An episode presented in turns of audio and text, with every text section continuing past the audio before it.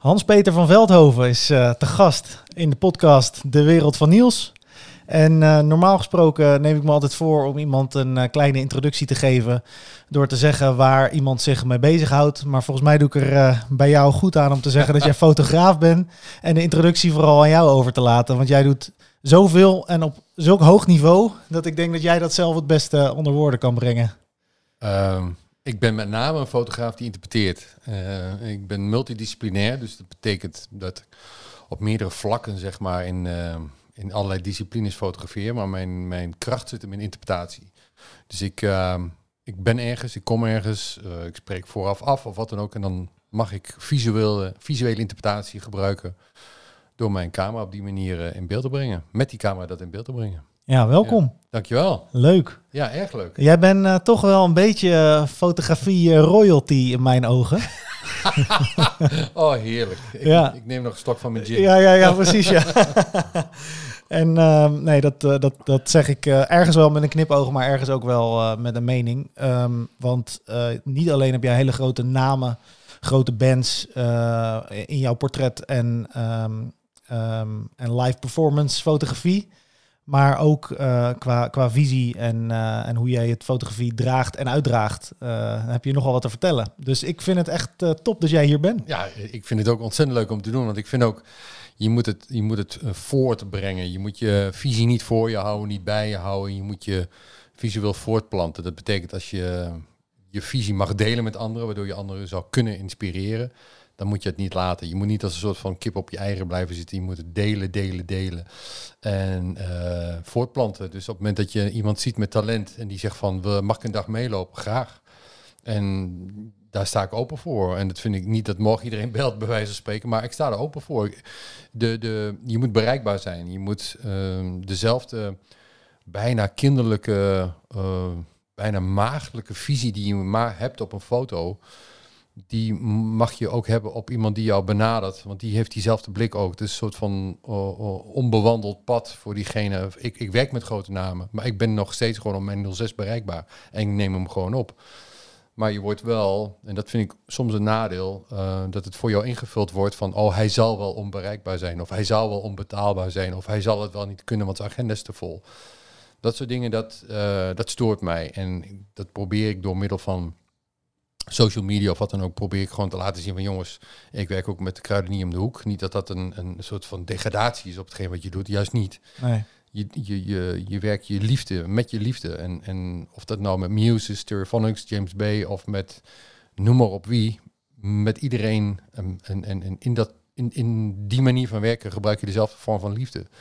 En ik merk dat, uh, en, en moet ik helaas toegeven, in Nederland in de entertainment scene dat je gewoon een stempel krijgt uh, van onbereikbaar. Of ja, we hebben je me niet gebeld, want ja, je zal het wel niks vinden, zo'n klein bandje of wat dan ook.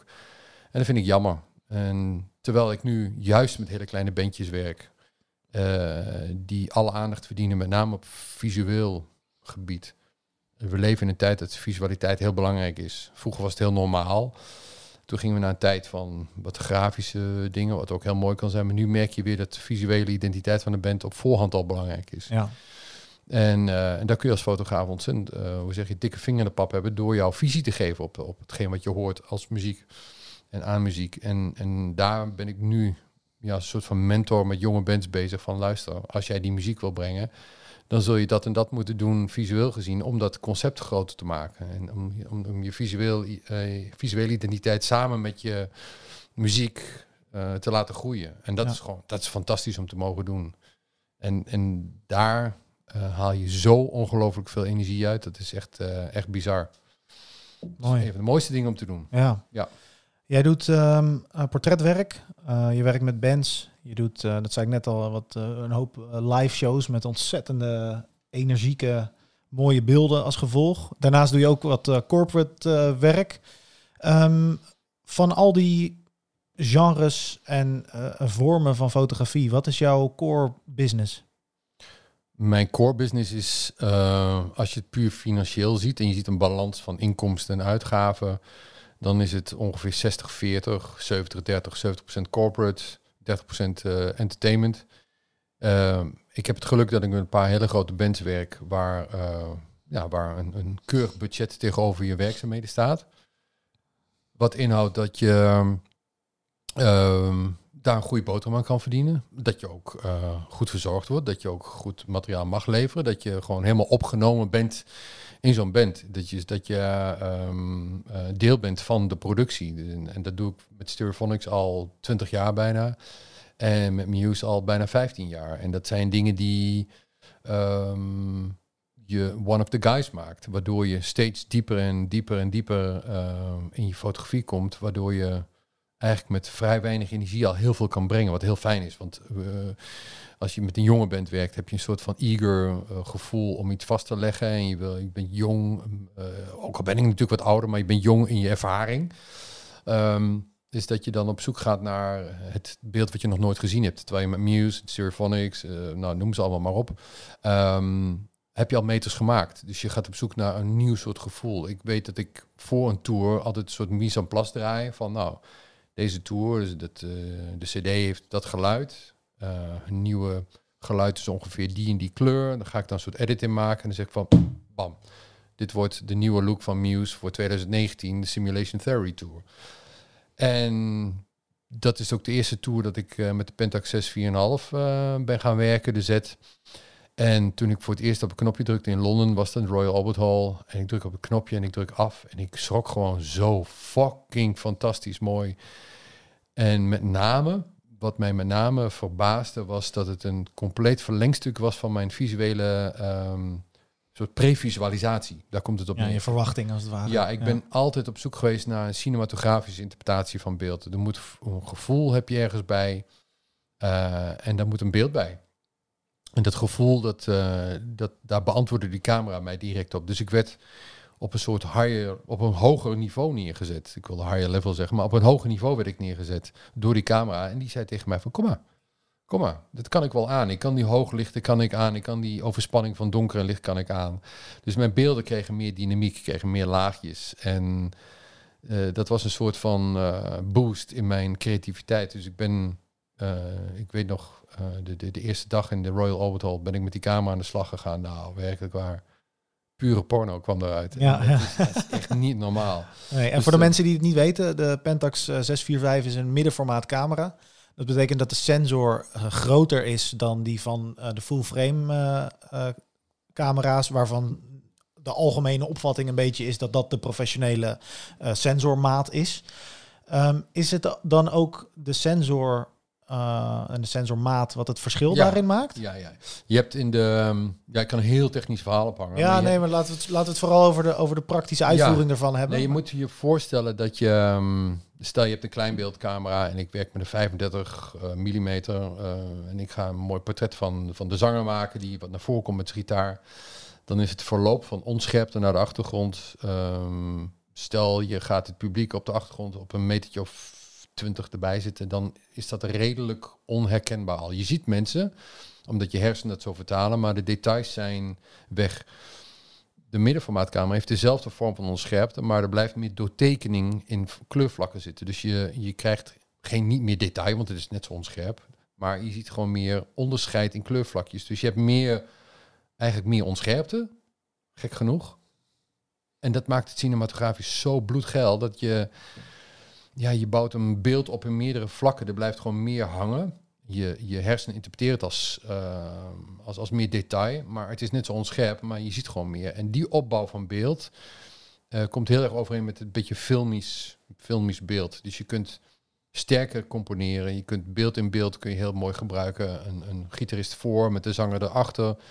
Als je dat met die 6,5 schiet, dan blijft er zoveel fantastisch mooi bokeh en detail in het onscherpe gedeelte, dat je dat, nou, werkelijk waar, het worden kleine kunstwerkjes. En dan, dan, dan tik ik mezelf niet op mijn schouder van, wauw, wat gaaf en wat goed ben je. Nee, je wordt door die camera in een soort zetel gezet, waardoor je uh, nog mooier, nog beter en nog fraaier kan werken. En die boost in mijn werk, daar was ik al heel lang mee aan het flirten overigens. Want ik heb hem van Pentax zoals eerder meegekregen, naar North Sea Jazz. En toen had ik al zoiets van wow. Maar je omzet moet het ook ja. kunnen veroorloven. Want het is, het is een prijzige camera. Ja. ja. Hey, um, in, inmiddels leven we in een tijd waarin iedereen een, uh, een uh, foto kan maken waarvan mensen op Instagram zullen zeggen dat het een mooie foto is. Jouw uh, body of work, jouw, jouw repertoire aan beelden zijn niet alleen mooie foto's, maar die vertellen ook omdat je er al zoveel jaren mee bezig bent, echt de verhalen van de bands. En op enig moment dan is het niet meer dat je de band of het album of de tour op een mooie manier in beeld brengt. Maar dan ga je bijna een soort van levenslijn van zo'n band, de ontwikkeling, de groei, uh, ga, ga je in beeld brengen. En dan wordt het bijna een soort documentaire. Um, hoe is dat voor jou? Omdat, om, om dat als, als een soort van um, ervaring in je fotografie mee te krijgen?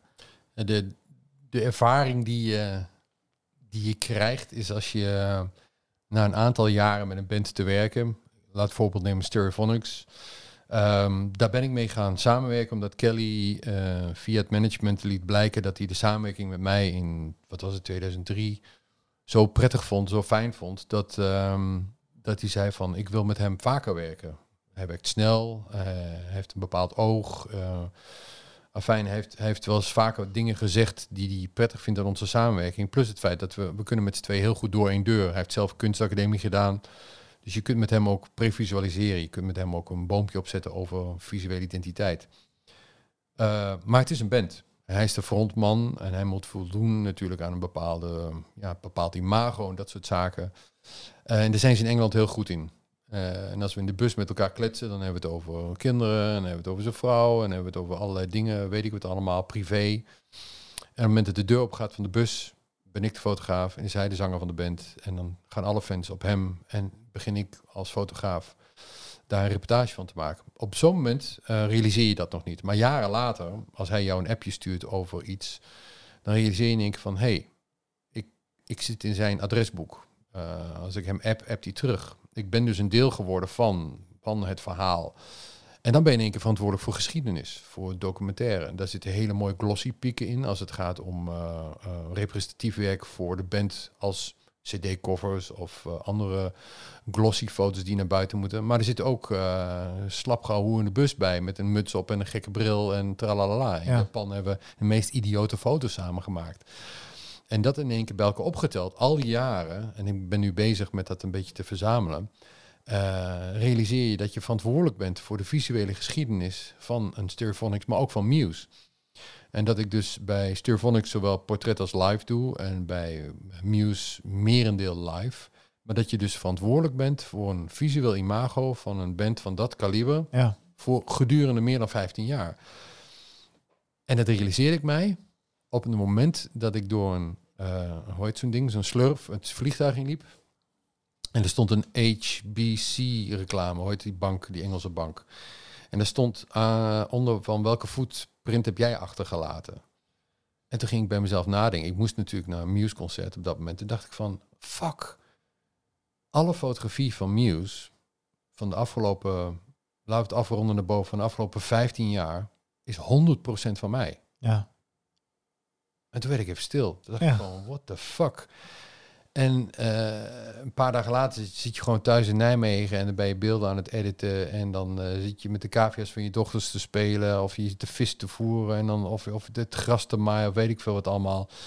Daar ben ik ook nuchter genoeg voor om, om dat op die manier te zien. Maar op zo'n moment heel even genieten van het feit van... Fuck, ik heb best wel een mooie footprint tot nu toe achtergelaten, is niet dat je uh, op die welvaart uh, gaat of dat je het vindt dat je dat moet achterlaten of dat je jezelf daardoor een soort van status uh, toe-eigent. Nee, het is een stukje bewustwording. En als je die bewustwording op een hele leuke manier in je achterzak stopt, dan realiseer je ook dat je een bepaalde functie hebt als fotograaf. En het is of je het nou in familiekring doet, of op hoog niveau corporate of creatief niveau met bands of wat dan ook. Op het moment dat je op de knop drukt, schrijf je al geschiedenis. En dat is een hele mooie gewaarwording. En die, kun je, die geschiedenis kun je zo mooi maken als je zelf wil. Dat kun je. ehm, Nou, vorige week zat Mike hier eh, met zijn Afrika-foto's. Daar wordt iedere keer weer geschiedenis geschreven. Dat hij bijvoorbeeld, als hij een serie van 10, 15 jaar achter elkaar zegt, dat je ook ziet dat de natuur verandert, bijvoorbeeld. Ja, Hè? Eh, en, en, en dat is de kracht van fotografie. Het laat de geschiedenis zien die, eh, die vastgelegd is. En, en dat is een heel mooi stukje perceptie van... moment dat je op knopje drukt, dat je natuurlijk de fans wil bedienen. En dat je in die glossy wereld rondloopt. En die muziek is helemaal te gek. En, en de wereld is te gek. Het is echt te gek. Maar het is ook fucking zwaar. Je moet presteren. Je moet op dat moment met... eh, eh, belichtingen die binnen 10 seconden 26 keer veranderen, moet je mee om kunnen gaan. Eh, je moet luisteren. je moet de techniek in de gaten houden, maar je moet ook fysiek loop je bijna 10 kilometer op een avond van A naar B. En dus je zegt 10 kilometer, ja, maar wel met een, eh, een zak met gear op je rug en eh, trapje op trapje af. En soms moet je helemaal naar boven klimmen, dan weer naar onder. Je hoopt niet klagen, maar het is wel, ehm, het is wel stevig. En eh, de laatste tour was een stadiontour. Dus ieder stadion waar ik ben, Stade de France bijvoorbeeld, dat doe je over één rondje, doe je een half uur. Ja. Dus dan moet je wel Ja. weten, wanneer kan ik dat doen? En dat ik niet een nummer mis of dat soort dingen, weet je wel. En, en dan ben je aan het eind ben je ook, ben je ook kapot. Ja. Maar wel lekker, wel een heel Ja. lekker gevoel. Wat voor eigenschappen zijn er, eh, los van het goed kunnen fotograferen, nodig om, eh, om te doen wat jij doet? Ehm, ik zeg altijd, ik geef wel eens workshops of ik coach wel eens mensen, of het nou fotografisch is of niet, maar eh thuiskomen bij jezelf. Op het moment dat je jezelf een beetje kent, eh, maak je betere foto's dan wanneer je jezelf nog niet zo goed kent. En het heeft puur te maken dat je leert omgaan met situaties die onbekend voor je zijn, waardoor je weet van, oh, daar reageer ik zo en zo op. Dus ben je al een stapje voor op het maken van het goede beeld. Ben je nog op zoek naar jezelf, van wie ben ik eigenlijk, en je komt in onbekende situaties, dan weet je ook niet hoe je daarmee om moet gaan. Dus dan moet je eerst die situatie weer eigen maken, voordat je dan interpretatie op kan geven. Dus eh, ik heb laatst een fotoworkshop gegeven aan iemand, en die heb ik eh, gegeven op basis van zijn persoon, in plaats van op diafragma, sluitertijd, eh, weet ik wat allemaal. Dus ik ben, ik ben als een soort portretfotograaf ben ik hem gaan benaderen van ik denk dat je zo'n zo'n type bent. Dus ik denk dat jij, of ik denk ik voel dat jij met grote diafragma's wil werken en dat soort zaken. Dus laat die hele shit zo zitten van scherp tot diepte en ga focus je daarop en probeer daar je eigen eh, in te ontdekken. Dus die, die, die weg naar je eigen persoon te ontdekken eh, gaat gepaard met, met fotografie. Dus ehm, wat ik altijd zeg, een, een, een goede fotograaf kent zichzelf. En die weet hoe die met bepaalde omstandigheden om moet gaan. En daardoor durft hij ook te interpreteren. Want interpretatie is niets anders dan kleur bekennen in die situatie waarin je bent. Ik vind het hier wit, dan maak je een witte foto. Ik vind het hier zwart, maak je een zwarte foto. En het heeft niks te maken met de waarheidsbevinding van een ander. Dat is jouw waarheidsbevinding. En hoe, hoe duidelijker je die taal durft te spreken, hoe meer mensen je stijl gaan herkennen. En dan zeggen ze van, hé, hey, dat is een HP. En dan in het begin vroeg ik me af, what the fuck, waar zien ze dat dan aan? Echt was ik zelf ook van, het zal wel. Ja. En later ben ik dat gaan ontdekken waarom andere mensen mijn stijl herkenden. En dat was puur omdat ik ook meer thuis kwam bij mezelf. Maar in iedere, ieders mens onderbewustzijn zit al een soort van creatief brein. En naarmate hij thuis komt bij zichzelf, gaat hij dat stukje, die identiteit van zichzelf ook ontdekken. En of je nou 15 bent of 95, er komt een moment dat je thuis komt bij jezelf. En dan ga je als een, als een speer in je eigen creativiteit. Ja. ja, en daarnaast denk ik ook dat dat niet het enige is, maar je moet daar ook nog communicatief vaardig genoeg voor zijn om, eh, om ook die binding, ook die langdurige samenwerking te kunnen onderhouden en aan te kunnen gaan. Ja, Want- dat, dat, Want het, het stukje fotograferen is natuurlijk maar een, Ja. een element in dat is het. een onderdeel. Ja, is een onderdeel. Ik ben nu met, eh, met een bedrijf bezig om een arbeidsmarktcampagne eh, te creëren, fotografisch. Daar gingen een aantal gesprekken aan vooraf met vormgevers, met de marketingafdeling enzovoort. En omdat je geen zakelijke verbind, of nou, hoe zeg je dat, geen zakelijke interpretatie hoeft te geven, maar een creatieve interpretatie, mag je dus ook je eigen taal spreken. Ja. Dus op het moment dat er in vrij moeilijke marketingwoorden iets verteld wordt, dan eh, herhaal je dat in beeldtaal. Eh, door dat te doen, kan de hele tafel die daar zit, kan zich gaan previsualiseren van, oh, oh, zoals jij het zegt, klinkt dat heel simpel. Precies, dat is het ook. Want je wil de kern van het gevoel vastleggen. Dus je moet, wat ik net ook zei, op het moment dat je thuis komt bij jezelf, dan kun je makkelijk situaties verbeelden en kun je ze onder woorden brengen. Het moet je ook liggen. Het moet je ook liggen. eh, dat je, dat je ervan houdt om over bepaalde materie vooraf te communiceren en ter plekke te communiceren. En als je met modellen werkt, in dit geval werk ik met werknemers die dan model zijn voor de foto's, ga je de communicatie aan. Dan lees je mensen en dan zie je ze en dan zeg je van nou, als je je zo beweegt, dan kom je het meest natuurlijk over. Dat zijn dingen die heb ik gedurende de jaren ontdekt. En dat is niet iets wat je in een boekje kan leren of wat dan ook. Dat is echt, komt heel erg vanuit jezelf. Je moet het omlijsten met kennis. En kennis kun je tot je nemen door boeken en door ervaring en eh, dergelijke. Maar daarnaast is je, je ik is eh, het, het vehikel waarmee je die reis aangaat. Ja. En daar, die zoektocht daarna, die is heel interessant als je fotograaf wil worden of beeldend kunstenaar, of hoe dan ook, hoe je het ook wil noemen, visueel kunstenaar.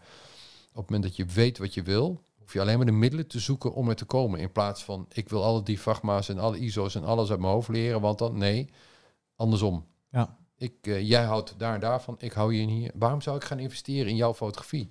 Interesseer me geen ruk. Als jij het maakt, vind ik het veel mooier. Dan zie ik het. Ik denk, hé, hey, zo'n foto van Niels, die hoef ik niet na te maken. Want daar, mijn oog ziet hele andere dingen. Daarom geniet ik zo daarvan. En dat is sowieso met andere fotografen. Als je door hun bril kijkt, zie je ook de schoonheid ervan. Dus ik hoop dat als mensen door mijn bril naar mijn foto's kijken, dat ze diezelfde schoonheid zien. Want ze zien een stukje van mij. En dat is in jouw fotografie. Dat is als je thuis komt bij jezelf, dan ga je foto's maken waarvan mensen een stukje in je ziel mogen kijken en, en door jouw bril mogen kijken. En als dat tot de verbeelding spreekt, dan ja, gaan mensen je goed vinden. En dan krijg je een klopje op je schouder. Maar stiekem gaat het mij niet daarom. Het gaat mij om dat ik mensen kan inspireren. En dat ik tot de verbeelding kan spreken. En mensen kan eh, een soort verwondering kan meegeven. Omdat ze het zelf namelijk ook kunnen. Als ze maar de weg kiezen waarvoor ze hier eh, rondlopen. Klinkt heel vaag, maar zo is het wel. De ene houdt van melk, de ander van eh, vla, de ander houdt van brood, de ander daar. Iedereen heeft een persoonlijke smaak. Dus daar hoort ook een manier van fotograferen bij. En als je die weet ontdekken bij jezelf, bam, dan gaat, dan klinkt gek, maar dan gaat de rest eigenlijk vanzelf. Ja, ja en wat ik dus bijzonder vind van jouw werk is dat het. ehm, eh, eh, ik vind eigenlijk, ik ben het deels met je eens, want eigenlijk vind ik dat jouw werk dat ontstijgt.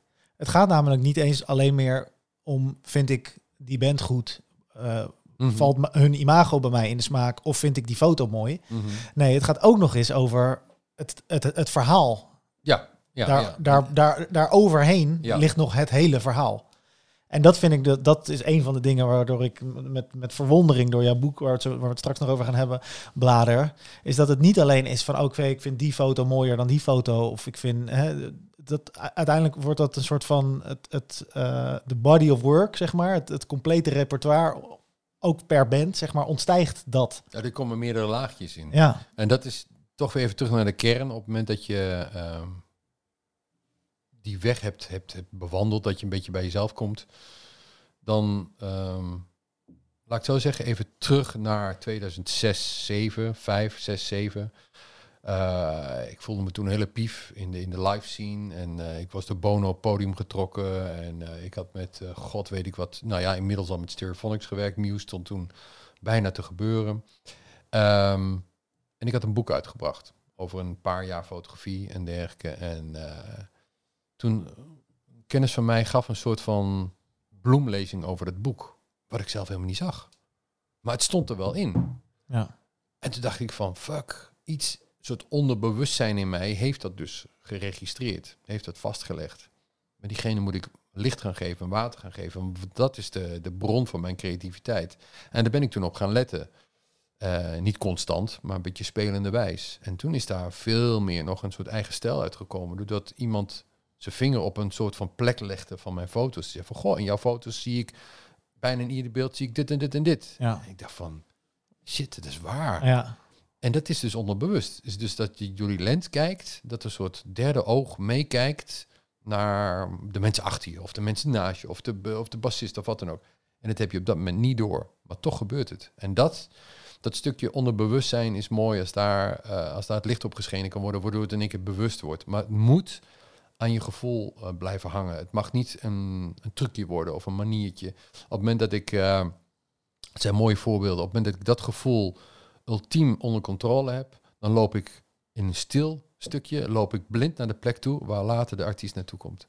En iedere keer weer begin ik gewoon te lachen in mezelf en denk, fuck, het werkt weer. Dan loop ik naar een plek en dan komt Matthew daar in één keer met gitaar liggen. En dan denk, zeg ik tegen mezelf, hoe weet ik dat dit gebeurt? Dit is niet afgesproken, dit is niet oh, zeg je het choreografisch vastgelegd. Dit is, dit is toeval. En, uh, maar ja, toeval bestaat niet. Nee, toeval zin, dwing je ergens af, zeg maar. Ja, af. Dus blijkbaar ben je dan dusdanig gevoelig voor een bepaalde move in de muziek. Uh, dat ik zeg wel eens tegen mezelf, het is natuurlijk mega luid overal. Van kijk maar naar mij, kijk maar naar mij. Sta ik te roepen met, met, met al die muziek, dus niemand hoort mij. En in één keer, bam, gaat het hoofd naar mij toe. En dat vind ik, dat vind ik zo gaaf. En dat is een beetje spelen met, met een soort van lot. Uh, je mag het spiritueel noemen. Het is gewoon keiharde fotografie. Het is gewoon keihard presteren. Dus geef er maar aan die je zelf aan wil geven. Wat mooi is, als je, als je op die frequentie aan het werk bent. En dat kun je ook terugbrengen naar portretteren. Gewoon één op één. Of je doet het in een live situatie. Maar als je die, die laag erin kan brengen, doordat je die energie opvangt. En dat kan weer leggen in je foto's. Dan, wat jij zegt, dan komt er een soort van extra laag aan een foto. En, en dat, is iets, uh, dat is iets magisch. Hey, als we even teruggaan naar uh, uh, pre-fotografie. Hoe, hoe ben jij in de fotografie terechtgekomen uiteindelijk? Door schade en schande. Ja, nee, als, als, zoals zoveel.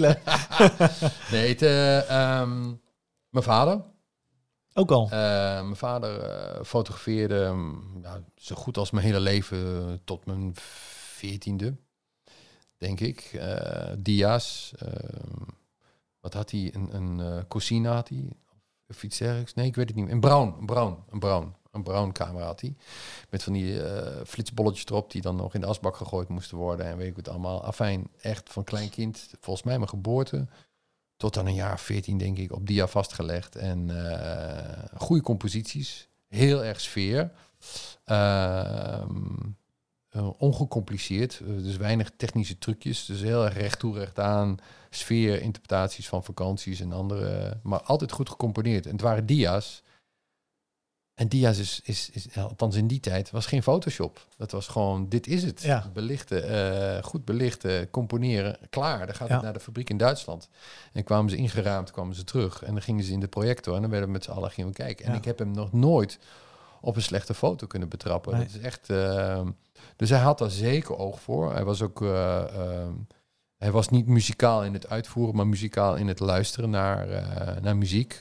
Django Reinhardt, maar ook, god noem maar op, wat, hoe praat ik over jaren 50 jazz en weet ik wat allemaal. Maar met name Django Reinhardt, dat is wel een van mijn favoriete artiesten waar hij altijd naar luisterde. En Paul Stokey. Paul Stokey was een singer-songwriter uit de jaren 70, die ik nog steeds draai. Natuurlijk als, als herinnering aan hem, maar ook omdat het gewoon mooie muziek is. Maar in die combinatie van... Um, van creativiteit. Hij was een hardwerkende zakenman. Uh, is dat in verkoopadvies. Dus, dus dat is ook een beetje. Maar hij deed het met flair. En die flair is iets. Um, hij heeft dat dan toegepast in, in de in verkooptechniek van koelmeubels. En die flair heb ik wel van hem één op één meegekregen. Dat stroomt door mijn bloed. En uh, heb ik later toegepast op, in, in mijn vak. Maar die, die, die, die, die, hoe zeg je dat, die levenslijn dat ik als klein jochie al met een cameraatje rondliep en toen nog zo'n, hoe heet dat, zo'n ritsrad systeem, Kodak cameraatje van uh, 10, K, 10 systeem, zo'n cassette. Ja, voor mijn tijd. Het zat, kwamen negatiefjes uit van 1 bij 2 centimeter. Ah, ja. uh, daar begon ik mee. Toen later kocht ik een Voigtlendertje, ja. volgens mij, en uh, waar al uh, kleinbeeld in ging, 35 mm. En ik weet nog heel goed, en dat moment ik, heb een olifantengeheugen, maar dat kan ik me zo specifiek herinneren. Ik kroop boven op ons huis. Daar heb je een soort uh, uitbouwtje bovenop zolder. En opgegroeid in Marklo in Twente. En dan keek je uit over een enorme landerijen. En dan kon je bijna naar het volgende dorp kijken. En de zon die ging onder. Prachtig gezicht altijd. En op dat dak helemaal. En dan zag je al die antennetjes toen nog uh, voor, uh, voor de televisie. Zag je als soort silhouetjes in het rode ondergaande licht. En ik zag dat. Ik denk, klik. En ik klik, klik, klik, filmpje vol. Ik fiets naar de fotograaf. Laat ontwikkelen, af laten drukken. En ik sta bij de balie. Een paar dagen later uiteraard. En die foto kwam er niet uit zoals ik het gevoeld had op dat moment dat ik op dat dak stond. Ja. En toen wist ik niet wat er aan de hand was. Nu snapte ik. en nu snap ik het nog steeds, dat ik toen al op zoek was naar dat die camera het gevoel weer moet geven van een situatie waar je op dat moment in begeeft. Ja, Of dat rood nou rode moet worden, of eh, het zwart zwarte, of wat dan ook. Dat is een interpretatie van dat gevoel.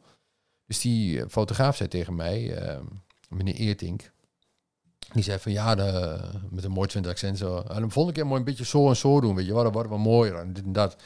Toen dacht ik van, oh, oké, oké. Dus je begon, daar begon je al eh, te sleutelen aan de techniek om het dichter bij je gevoel te krijgen. Absoluut geen realiteit, want ik hou absoluut niet van realiteit. Een onzinwoord, want dat bestaat namelijk niet. nee. Het is altijd persoonlijke interpretatie. Maar dat je dus naar die persoonlijke interpretatie gaat. En jaren later, echt dan praat ik, maak ik even een hele grote sprong. Eh, wat is dat? Begin jaren negentig denk ik, sta ik in een lab en die meneer die zegt tegen mij eh, cross-processing. En ik, what the fuck is dat, weet je wel? Ja, dat is eh diafilms ontwikkelen tot enzovoort, enzovoort. Nou, echt, ah, het ging weer Ja, voor me ja, ja, open. ja, middenformaat was ik mee aan het stoeien. En toen in 96 eh, getrouwd. En ik, toen werd ik ernstig ziek. En ehm, toen moest ik, eh, uiteindelijk is de periode van vier jaar geworden, moest ik thuis zitten, arbeidsongeschikt, eh, herstellen, herstellen, herstellen. Uiteindelijk is het helemaal weer goed gekomen, 100%. Maar die periode heb ik gebruikt om, eh, om fotografie te, te, te professionaliseren. ja. Ehm, met als klap op de vuurpijl dat een Nuon mij belde en die zegt, goh, we hebben je beeld gezien, wil je voor ons komen werken? Het was weliswaar via een bureau, maar het was Nuon. En het is natuurlijk een grote klant. En ik, what the fuck moet die met mij? Ja, ja. En eh, een beetje onzeker nog, totaal nog geen, geen hoe zeg je dat, zelfverzekerdheid als het ging om je eigen stijl of wat dan ook. Maar mijn broer zei, en die is grafisch vormgever, die zei, ja HP, je hebt wel een eigen stijl. Want ehm, dat is iets, ehm, de manier, sociale omgang, je skills met mensen omgaan en dat soort zaken. Het vooraf op een bepaalde manier beeld willen zien, dat, dat zagen zij dus blijkbaar ook. En aan dan daarvan ben ik eh, voor Nuon gaan werken als eerste opdrachtgever. En toen kwam er dus, ja, mocht je facturen schrijven. En dat geld heb ik direct in camera's gestoken. In lenzen en dat soort zaken. Om, eh, om professioneel in ieder geval op een bepaald level te staan. Dat je het nooit je materiaal kon verwijten. Maar dat je het alleen maar jezelf kon verwijten als iets niet goed ging. ja. Afijn, toen vrij snel daarna, praat ik misschien wel over hetzelfde jaar, ben ik eh, voor de Zondagkrant, waar ik toen als journalist voor werkte, als fotojournalist, een hele goede leerschool overigens, want je moet in korte tijd moet je presteren. Ben ik eh, een live concert eh Rock in Park in, eh, in Nijmegen gaan fotograferen. En de Zondagkrant die schreef altijd vooraf, aanstaande zondag, dat en dat en dat. En ik vroeg aan Fred, helaas leeft hij niet meer. Ik zei, Fred, kunnen wij niet achteraf een recensie schrijven met live foto's? Ja, maar ja, ja, ja. En Moeilijk, keek- moeilijk. Ja. en hij keek mij aan, zo van, fuck, jij bedoelt het echt, hè? Dus hij is naar zijn hoofdredacteur gegaan en ik kwam terug met zo'n smile op zijn gezicht. En hij zei, we gaan het doen. Dus we hebben accreditatie aangevraagd, toen nog bij Sony, Mercury Records volgens mij, voor Aerosmith, UB40, en noem maar op. Ja. En eh, daar stond ik aan het podium van, eh, van Aerosmith. En eh, daar heb ik mijn alle, allereerste officiële live foto's gemaakt. En daar kreeg ik zoveel reacties op. Eh, geen schouderklopjes, want dat, nogmaals, dat vond ik niet zo heel belangrijk. Maar meer zo van, raak ik je met hetgeen wat ik hier geprobeerd heb te laten zien? Nou, Ja. de, de fotogrijping, mijn vaste fotodealer, die gaf mij een 300 2.8 mee.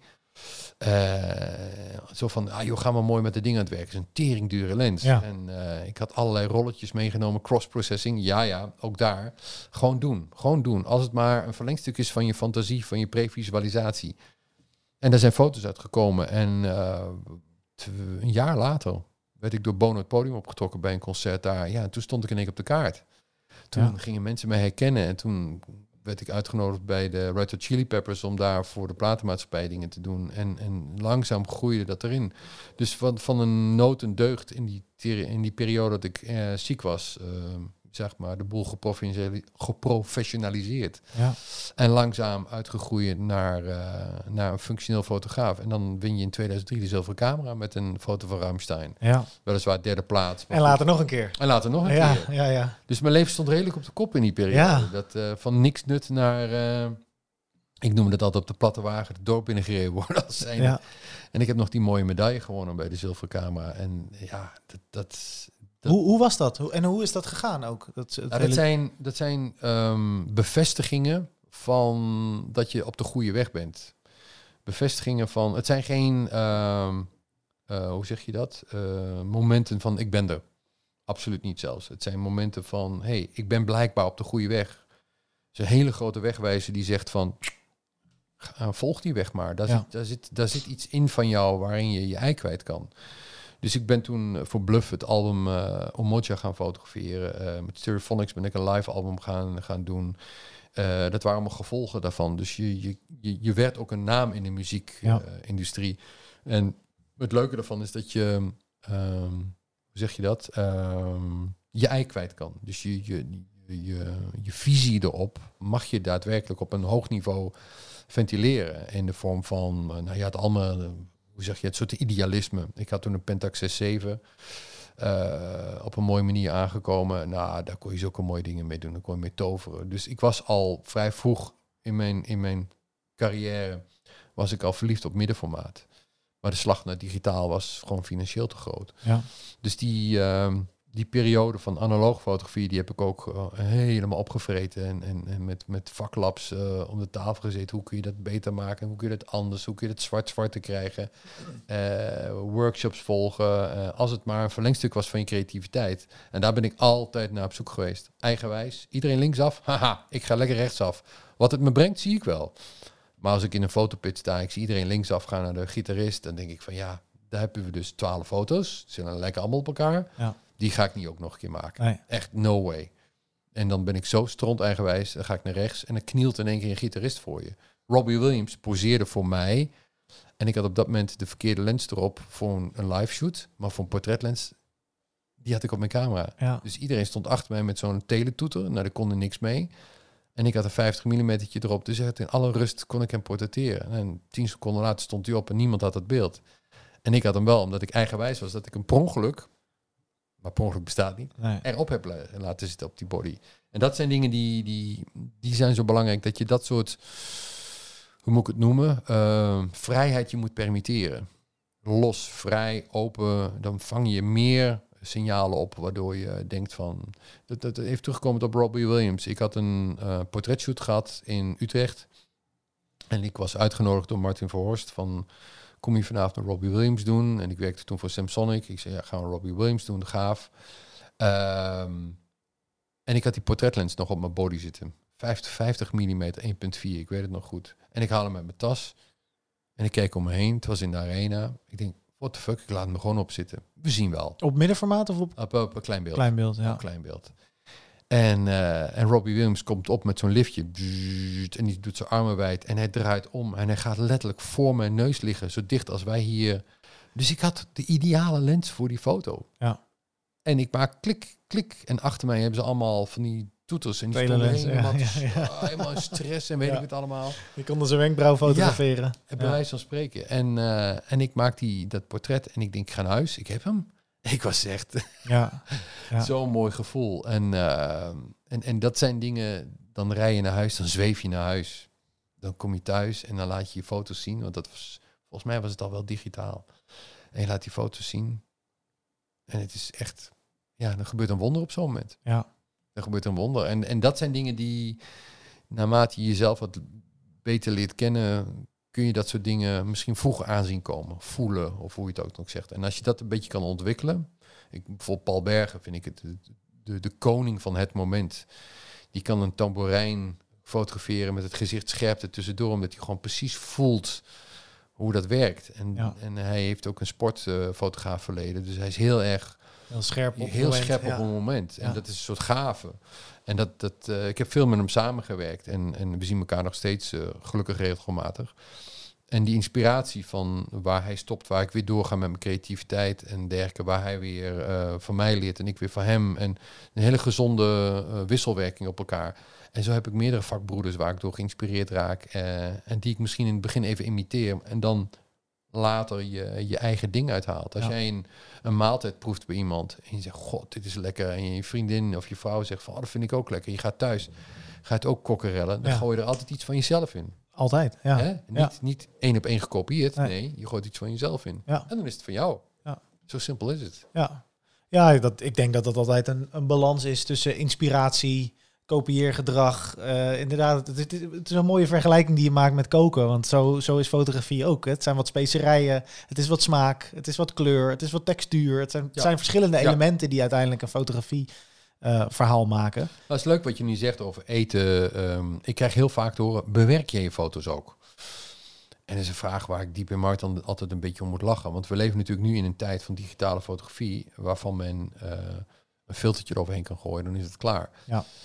Nee, je koopt een, een gerecht. Althans, nee, je gaat een gerecht maken. Je koopt de basiselementen en dan ga je gerecht van maken. Dus op het moment dat jij een, wat, wat kruiden op een kipfiletje gooit, of, of op je vis, of uh, op weet ik veel wat, dan maak je het op smaak. Dat is met fotografie idem dito. Ja. Je maakt een foto en daarna in jouw keukentje ga je hem op smaak maken. En, uh, en die fase is net zo belangrijk als het moment zelf van het maken van de foto. En dus als mensen zeggen bewerk je je foto's, dan, dan vertel ik altijd dit verhaal. Want dan kunnen ze zich in één keer ja. voorstellen wat het is. En denken ze, oh ja, natuurlijk. Uh, want dan vraag ik wel, hoe eet jij je dit en dat? Ja, daar en daarmee. Ik zeg, nou, ja. ik doe precies hetzelfde met mijn foto's. Ja, maar het, het lastige daarvan is, is dat vaak komt de vraag, bewerk jij je foto's? Wat daar eigenlijk in verpakt zit, is, zijn jouw foto's zo mooi omdat ze bewerkt zijn? Ja. En dat antwoord is, en dat gelukkig voor heel veel uh, goede fotografen pertinent, nee de foto's zijn niet zo goed omdat ze bewerkt zijn. De foto's, eh, de bewerking is een onderdeel van, van het uiteindelijke resultaat. Ja. En, en precies wat je ook daar, daar straks zei, van het, gaat om de interpretatie. En het gevoel dat je op dat moment ervaart. En hoe breng je dat uiteindelijk over in een beeld? Nou, toen in uh, eh, 2001 zo'n beetje de grote digitale camera's kwamen, uh, toen had je in één keer het vaklap werd dus uitgesneden. Ehm, voorheen, toen nog volop, uh, had je rolletjes die gingen naar een vaklap. En dan gaf je een soort codes aan. Ik wil dat doorgedrukt hebben, tegengehouden. Ik wil dit of dat. Nou, dan ging je naar het vaklab, kreeg je een contactsheet te zien. Dan ging je een rode stift eromheen. Die wil ik afgedrukt hebben. En dan ging er een laborant, ging daar specifiek mee aan de slag. En eh, die kende jou, dus die kende jouw stijl. En uh, daar kwam, kwam een eindproduct uit. Nou, dat waren positieve, die scande je dan in. Of je had een negatief scannen. Oeh, dat was toen heel wat. Um, maar tegenwoordig is dat hele vaklap is er tussenuit gesneden. Dus de, de, de, de fantasie dat je een foto uit je camera kan halen die al klaar is, dat is grootste bullshit. Ja. Want uh, ik heb vandaag nog in een bos staan fotograferen waar de zon door de bomen kwam en de mensen op de grond, voorgrond gefotografeerd moesten worden. Ja, dan moet ik een van de twee opofferen qua licht in het maken van de foto. Ga ik die mensen belichten, waardoor de zon overbelicht? Of ga ik de zon belichten en de mensen onderbelichten? Ga ik achteraf de mensen corrigeren of ga ik de bomen corrigeren? Dat is een keuze die je ter plekke maakt. Maar je houdt dan al rekening met de edit. Nou, uh, met een goede camera heb je een redelijk, uh, hoe zeg je dat? Dynamisch uh, bereik. Dynamisch bereik. En dan kun je dat later recht trekken. En in analoog fotografie is het idem dito. Ja. Dus precies hetzelfde. En dat doe je het in de doka. Dan ga je wapperen en tegenhouden, doordrukken of wat dan ook. Dus daar zit 0,0 verschil in. Het is makkelijker geworden, het kan sneller. Maar het feit dat er geen laborant meer aan je vingers uh, of aan je foto's zit, betekent dat je als fotograaf best wel wat uh, kleurkennis moet hebben over uh, de gamma's, de, de, de, de rode, de blauwe en de gele. En daar gaan de amateurfotografen, nou nee, amateur is een verkeerde interpretatie. Uh, daar gaat de fotograaf zonder kennis, die gaat aan nat. Die gaat al 100% nat, want die denkt zo schuif je, oh leuk, leuk. Ja. Ik zie uh, jammer genoeg nog vakbroeders die niet weten wat ze doen. Die vinden een paar leuke schuifjes, waardoor het leuk lijkt. En misschien zegt hun schoonmoeder van, oh dat is mooi. Maar ja. het, het, je ziet dat er geen kennis achter zit qua uh, kleurbalans. En, en dat vind ik nog steeds wel een, een, uh, een maatstaaf dat een fotograaf ook in traject B, dat is de, de bewerking, verstand moet hebben van ja, rood, blauw, groen, uh, kleurgamma's, dat soort zaken. Dat hij, dat hij daar ook mee om kan gaan om het eindproduct zo dicht mogelijk bij hetgeen wat hij heeft bedoeld te laten ontstaan. Ja, precies. Jij zei daarnet ook dat jij in de Pentax 645 een camera hebt gevonden die uh, tot nu toe als beste, of in ieder geval heel goed vertaalt dat wat jij voor ogen hebt uiteindelijk naar, naar, de, naar de foto. Um, denk jij dat met alle technolo technologische ontwikkeling van de afgelopen jaren, dat we nu op een, op een punt zijn gekomen waarop de camera's eigenlijk niet heel veel beter meer worden of kunnen worden? Um, de basis van een fotocamera destijds als film film is nog steeds de maatstaaf. En hebben we 35 mm, dus alle lensformaten zijn geënt op 35 mm camera's. 50 mm is op een 35 mm geënt. Ehm, middenformaat daarentegen was eigenlijk, is eigenlijk al veel ouder. Er zijn nog grotere formaten, die zijn ouder. Ja. Glasnegatieven van eh 13, 18, noem maar op. Ehm, dus als jij een, een negatief van je opa hebt, eh, uit eh, 1920 of iets dergelijks, die hoef je op papier te leggen. Die belicht je. En je hebt gewoon een één op één afdruk van de meest scherpe, scherpe, scherpe techniek ooit. Vandaag de dag is die techniek bijna niet te evenaren. Als je ziet hoe goed de fotografie was in de jaren 20, 30, 40, echt absurd hoge kwaliteit, was omdat die negatiefvlakken zo groot waren. Ja. Dus als je dan een 10, 15 eh, negatief had, die hoefde je alleen maar op papier te leggen, contactsheet te maken en je had, hem, had de afdruk al. Ehm, net zoals de, de overgang van zwart- zwart-wit naar kleur, nam men in het begin genoegen met mindere kwaliteit. Maar middenformaat heeft gewoon in de basis zo'n hoogwaardige kwaliteit qua beeldtaal. Fantastisch mooie onscherptes, dat je met diafragma 8 al onscherpte creëert op de achtergrond. Terwijl je bij kleinbeeld moet je toch echt niet hoger dan 2.8 gaan, want daarna wordt het al scherper. Ja. Is dat je in die beeldtaal veel meer bediend wordt in je, in je creatieve perceptie.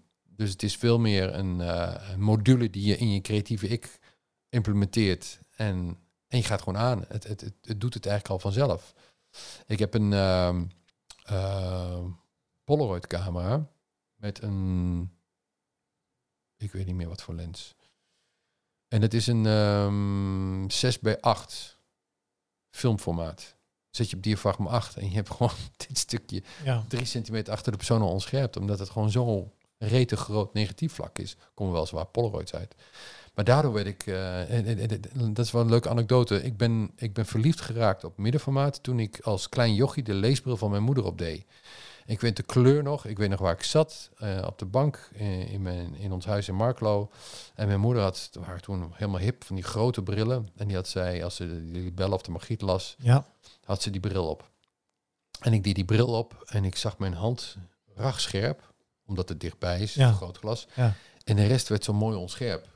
En dat vond ik zoiets fantastisch, want als je die bril afdeed, dan was gewoon alles scherp. Je ogen die zien die onscherpte niet zo, Nee, maar die ja. bril die vergrootte dat effect. En ik weet nog als de dag van gisteren dat ik daardoor een soort van toverbril op deed, dat ik dacht van toen ik ging fotograferen, van daar, dat, dat, dat wil ik, dit wil ik gaan doen. Ja. De- hiermee wil ik gaan, gaan spelen en dergelijke. En als je het in mijn fotografie terugziet, dan zie je ook die, ehm, die beeldtaal terug. Die ontscherpte gebruikt als, eh, als, als vlakke ehm, en, en beeld-in-beeld verhouding. En, en daar is het zaadje geplant. Op dat moment als klein jochie, dat ik op de bank zat en ik deed die bril op. Ik denk, wow, dit is fantastisch. Nou ja, dan ga je ook op zoek naar fotografen die dat gebruiken. Eh, tuurlijk is Anton Corbijn is daar een meester in. Ehm, die heeft mij geïnspireerd erin. Eh, hoe heet hij? Eh, Dis Farmer. Een, een fotograaf van nog langer geleden die mij daarin ge- geïnspireerd heeft. Helmut Newton heeft mij daarin geïnspireerd. Maar eh, ik heb ze nooit nagedaan. Ik word wel eens verweten dat ik Corbijn heb nagedaan, maar dat komt omdat je in dezelfde scene zit. En als je een foto van Bono maakt, dan word je al gauw, of van Depeche Mode, Ja. word je al gauw als Corbijn gezien. Zijn broer heeft ooit gezegd op een portret van Rutger Auer van mij, van dat vierkant en sepia alleen maar voorbehouden is aan Anton. Nou, Oh ja? Dat soort absurde, Ja. arrogante uitingen over dingen die, ik bedoel, vierkant en sepia is al ouder dan, eh, dan wie dan ook. Dus Ja. ik bedoel maar, dit is al vanaf eind 1800 bestaat dat al. Dus dat, dat zijn privileges die zich niemand kan veroorloven. Nee. Dat slaat ook helemaal nergens op. En als je daar in thuis wordt als fotograaf, door zo te werken en je daar je eigen handtekening mee wil zetten, prima. Dan moet je dat vooral doen. Vooral als je je er thuis in voelt, moet je het doen. Omdat degene die dan naar het beeld kijkt, zich daar ook mee kan vereenzelvigen. Die zegt van, hé, hey, dit is jouw foto, hè, dit. Ja, dat zie ik daar en daar en daar aan. En dat vind ik mooi. Ik heb van, van het weekend een kinderen geportretteerd. Die moeder heeft die, die foto's gepost. En iemand die zegt, hey, is dit van jou? Nou, dat is een groot compliment. Ja, Ja. tuurlijk, tuurlijk wil je dat mensen je eigen stijl herkennen. Maar het geeft ook aan dat je op een goede track bent. ja. Dus dat je ook je eigen stijl kan maken. Als we even doorgaan eh, op die eh, portretfotografie. Ehm, wat maakt een goede portretfoto? Een goede portretfoto. Ik ben misschien heel snel met mijn antwoorden, maar dat komt omdat ik, omdat ik er zo bovenop zit. Een goede portretfoto laat iets zien van een ander wat jij hebt geïnterpreteerd. Dus het laat een deel van die persoon zien zoals hij of zij op jou heeft gereageerd. Want ehm, als ik achter de lens sta, en meestal staat hij op statief bij mij, dus dan sta ik naast de camera, waardoor ik open kan communiceren met die persoon, dan reageert hij op mij. Niet op op de camera of op de lamp. Nee, hij reageert op mij. Op het moment dat ik naar jou nu zit te praten en ik kijk vrij ernstig, dan kan ik jou manipuleren dat je dat ook gaat doen. Maar Ja. als ik ga ik mijn wenkbrauw omhoog doen, Ja. zoals nu. Kopiëren, absoluut. Hè? Ja. Dus hij, hij of zij reageert heel sterk op jou. Dus terug in wat we net bespraken, op het moment dat je jezelf kent, weet je ook wat je uitstraalt. En ik ben 1,95, ik ben 115 kilo, dus ik ben niet een heel erg kleintje. Mijn stem is sterk, ik, ik, ik druk mij sterk uit, dus ik weet dat ik best wel gewichtig overkom of Ja. over kan komen. Maar ik doe alles met zachte hand en ik doe alles op basis van gevoel. Dus het is een, ehm, een combinatie die, ehm, die een bepaalde energie geeft. Dat ben ik. Daar ga ik geen kwalificatie aan geven van goed of slecht. Vind ik ook helemaal niet belangrijk. Dat ben ik. Zo kom ik over. eh, zo ben ik. Ik praat vrij snel over hetgeen wat ik zie als gevoel enzovoort. Op zo'n moment reflecteert die persoon zijn ik op hetgeen wat ik daar breng. Ja. En dat pak ik. En dat vergroot ik uit, of dat, eh, eh, dat, dat maak ik klein of groot of wat dan ook. En op het moment dat je dat doet, en gepaard gaan met techniek, van ik wil juist alles scherp of ik wil alles onscherp, het is een kwestie van smaak. Maar de basis moet zijn een interpretatie van het gevoel. Dus als die plaats heeft gevonden eh, en, dat, dat, en je geeft je eigen visie erop, dan gaan mensen het ook herkennen. hey, is het een portret van jou? En dan is die geslaagd. Dus diegene is een, is een spiegeling op jouw persoon. Hij laat dus iets van zichzelf zien. En dat, re- daar reageer je op als, als fotograaf door dat vast te leggen. En of je er nou vierkant, rechthoekig of wat voor ook, zwart-wit of kleur. Dat zijn keuzes die je deels achteraf maakt. Maar misschien op het moment zelf als je in die situatie staat. Ja. Eh, en, en dat zijn belangrijke dingen. Dat je dat met elkaar opgeteld bij elkaar tot dat portret laat komen. En wat nou als er iemand eh, bij jou komt en die is eh, CEO van een of ander groot bedrijf. Eh, en die zegt, nou, ik ben, eh, ik ben de baas en ik eh, wil een portretfoto die leiderschap en kracht en overwicht uitstraalt. Maar niets in die persoon heeft dat. Het is een fragiel, onzeker mannetje die, die, die eigenlijk zegt van, hey, ik, wil een, ik wil een beeld van mij wat ik helemaal niet ben. Ja, Hoe, hoe, hoe zou je Ah, dat... dat is een hele mooie, eh, dat is ook weer die ontdekkingsreis naar jezelf. Op het moment dat je jezelf kwetsbaar durft op te stellen, ben je eigenlijk al, ontwapen je de, degene die naar je kijkt. Dus ik, ben, ik ben een gevoelig iemand. Ehm, nou, nou wordt dat niet zo 1, 2, 3 gezegd, maar stel dat je je kwetsbare punten uit. Dan in een letterlijke één op één confrontatie met een ander ontwapen je diegene, want je, je legt je, je ware eigenlijk al op tafel. Ja. Dus je kunt daar niet meer tussen haakjes op gepakt worden. Ehm, op het moment dat iemand krachtig wil overkomen, maar hij is het niet, dan eh, geeft hij dus aan dat hij een bepaalde zwakte bij zichzelf voelt. Want hij wil iets wat hij misschien niet is, maar die kracht kun je ook uit hele andere dingen halen. Dat is bijvoorbeeld eh, of zijn vocabulaire of zijn mimiek of wat dan ook. Eh, iemand die fysiek dun is, kun je heel krachtig over laten komen. Tuurlijk kun je trucendoosjes toepassen in de zin van nou, we doen het doosje open en we laten u wat naar beneden kijken. En, eh, schouderhouding. schouderhouding en dat soort cliché dingen. Maar wij weten net zo goed als ieder ander dat het, als het niet bij een persoon past, dan is dat een vlag op een baggerschip. Dan, dan slaat het helemaal nergens op. Dan is dat gewoon iets. Het is geen verrijking Nee. van die persoon. Nee. Dus de kunst is, ehm, en ik kan niet uitleggen waar ik, of waar ik het uit haal, maar is dat je die, die houding een verrijking laat zijn van de persoon in kwestie. En als je iemand ziet, dan geef je hem heel cliché een stempel. Ik denk dat die persoon zo is. Dat spreek je uit eh, op basis van. Dat kan parfum zijn, zijn horloge, eh, zijn haardracht, zijn kleding, eh, de stand van zijn mond, de stand van zijn linkeroog, rechteroog. Al die elementen die hebben een indruk op jou. Die geven, een, eh, die geven jou een soort van eh, kleur. En die kleur mag je heel letterlijk uiten naar die persoon. Want het is jouw kleur, niet zijn kleur. Het is niet dat het een universeel beeld is. Nee, het is jouw waarheid, jouw kleur. Jouw label als het Jouw ware. label, Ja. ja. Nou, dat bespreek je. Van ik zie dit of dat of dat of dat. Dan komt daar een discussie uit voort. En dan gaat die meneer of mevrouw die dat label een bepaalde kleur geven. Want die zegt van nou, dat heb je goed gezien, maar bla bla bla bla bla. En in dat gesprek ga je zo dans met diegene aan. En soms pak ik ook letterlijk de handen van diegene. En dan voel ik een beetje waar de energie zit.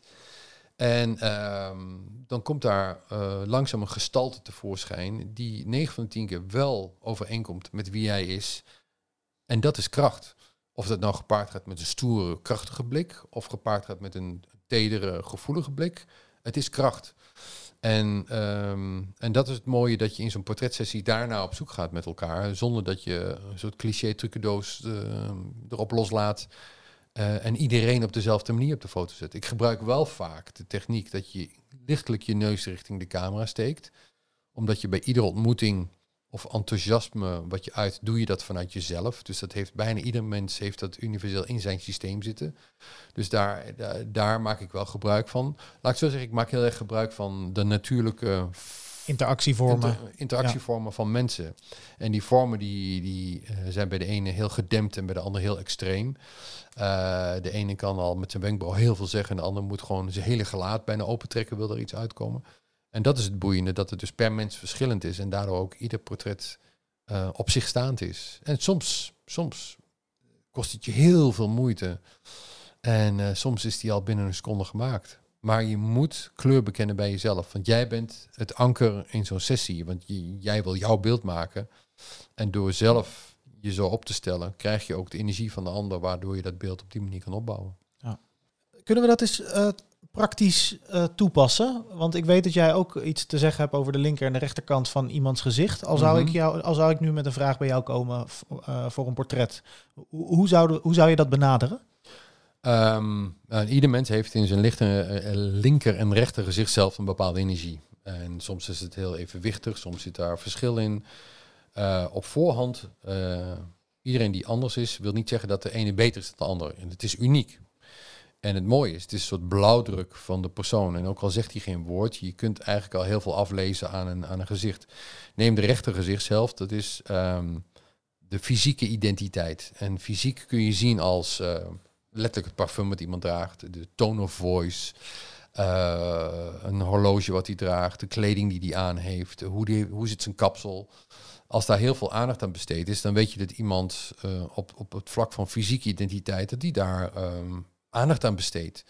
En ijdelheid is een heel mooi gegeven, want het wordt vaak gezien, oh, ben je ijdel. Maar ijdel is, is als portretfotograaf heel prettig, want dan heeft diegene van zichzelf al een, een soort van concept in gedachten. Dus het is de perfecte gereedschapskist voor jou. Die taal is er al. Die taal is er al. Dat horloge zegt heel veel over diegene. Jouw trouwring zegt iets over jou. Die heb je destijds uitgekozen. Dus het is een beeldtaal van jou naar mij toe als fotograaf. Ja. Ik hoef hem niet mooi te vinden, ik hoef hem niet lelijk te vinden. Het is van jou, 100%. De manier waarop je zit, de manier waarop je, je, de vorm van je handen, de dynamiek en dat soort dingen is allemaal beeldtaal, beeldtaal, beeldtaal. Wat je al heel simpel mag doen als fotograaf, is die beeldtaal door jouw filter te laten gaan. Dus door jouw interpretatiefilter. En in de loop der jaren, uh, nou, ik ben 55 en ik loop bewust op deze aarde rond 53 jaar. En in die 53 jaar is de kleur geel voor mij representatief voor bijvoorbeeld mijn buurvrouw toen ik zeven was. Want het had altijd een gele jurk aan. Ik zeg maar wat. Of voor een banaan, of voor Vla, of voor een gele Renault 4, of wat dan ook. Voor iedereen heeft de kleur geel een andere interpretatie, een ander uh, imago. Andere dan, context. Andere ja. context. Dat is een t-shirt, dat is een overhemd, dat is een hond, dat is een knoflook, dat is alles. Koffiegeur, noem maar op. Alles gaat door jouw persoonlijke interpretatiefilter heen. Dan staat er iemand tegenover je. En diegene die heeft allemaal eigen zijn interpretatie. Laat die los op jou, want je gaat portretteren. Dan ga je met je hand naar je rugzak en ga je zeggen, welke elementen kan ik nu één op één vertalen naar mijn interpretatie? Is dat geel, dat is de knoflook en het is de koffie. Ik zeg maar wat. hey, dat doet me denken aan die en die meneer. Weet je wat? Ik ga hem gewoon zo neerzetten. En die meneer die jij dan fotografeert, die gaat zijn eigen beeld opgeven. Dus je gaat samen een soort sparring aan van imago.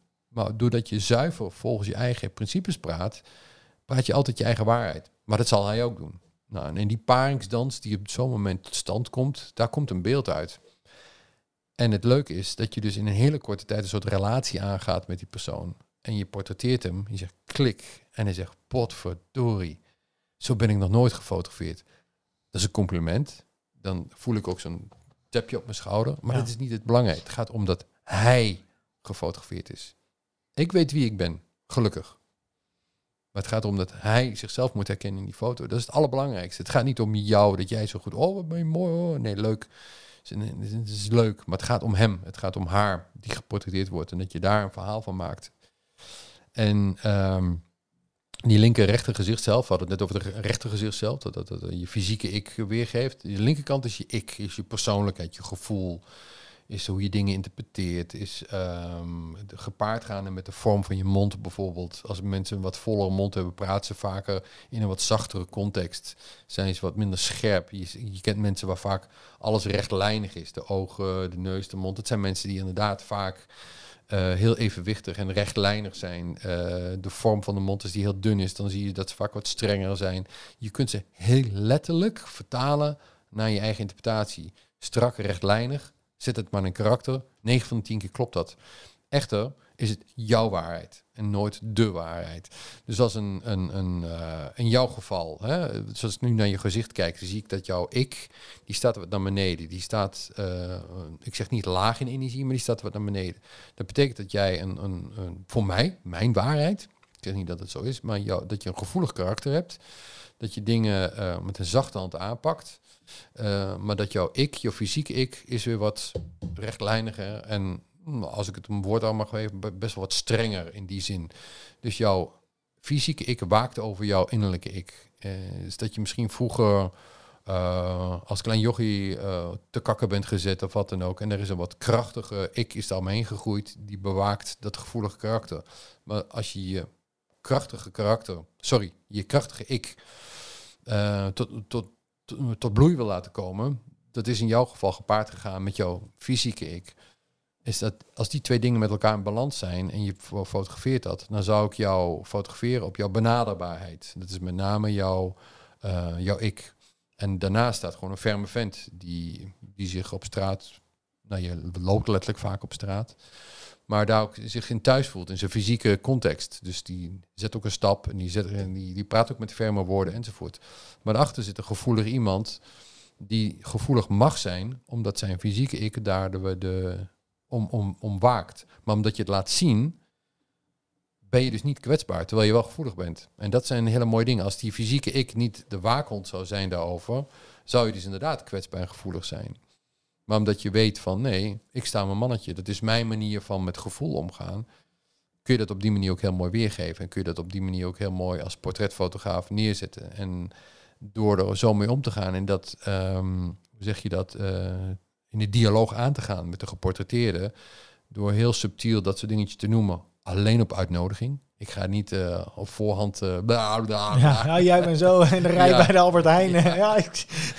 of als iemand geportretteerd wordt, dan vaak dan mag ik, mag ik, mag ik. Hè? Dus dat je de uitnodiging krijgt, wat heel belangrijk is. Ja. Is dat je, dat je aan de hand daarvan met elkaar, die, die, ik noem het altijd, die soort wals aangaat naar een portret toe. Ja, ja want ik kan me ook voorstellen dat het, uh, dat het best heel confronterend voor mensen kan zijn om zo gelezen te worden, als het ware. Ja. En dan da daar pas je ook wel je woorden aan aan hoor. Ja. Uh, ik heb in het verleden um, soms wel eens een beetje als een porselein, in, of een uh, olifant in een porseleinkast, te vroeg uh, mijn, mijn, mijn, mijn mening gegeven. Um, en daar heb ik wel geleerd om daar genuanceerd mee om te gaan. Want het, het, het, het wat je zegt, het, het kan heel heftig zijn. Kijk, als je, als je op die manier kijkt, zie je, je ziet altijd dingen. Maar soms moet je het ook uitzetten en moet je denken van ik ga daar voorbij, want het heeft nu totaal geen zin om erover te praten. Maar als je met, een, met iemand uh, te maken hebt die heel graag daar een dialoog met jou over wil aangaan, dan kun je hele mooie gesprekken hebben. Fantastisch mooie gesprekken hebben. Dan kun je het portret daar ook op, een, op, op, op, op baseren, zeg maar. Ja.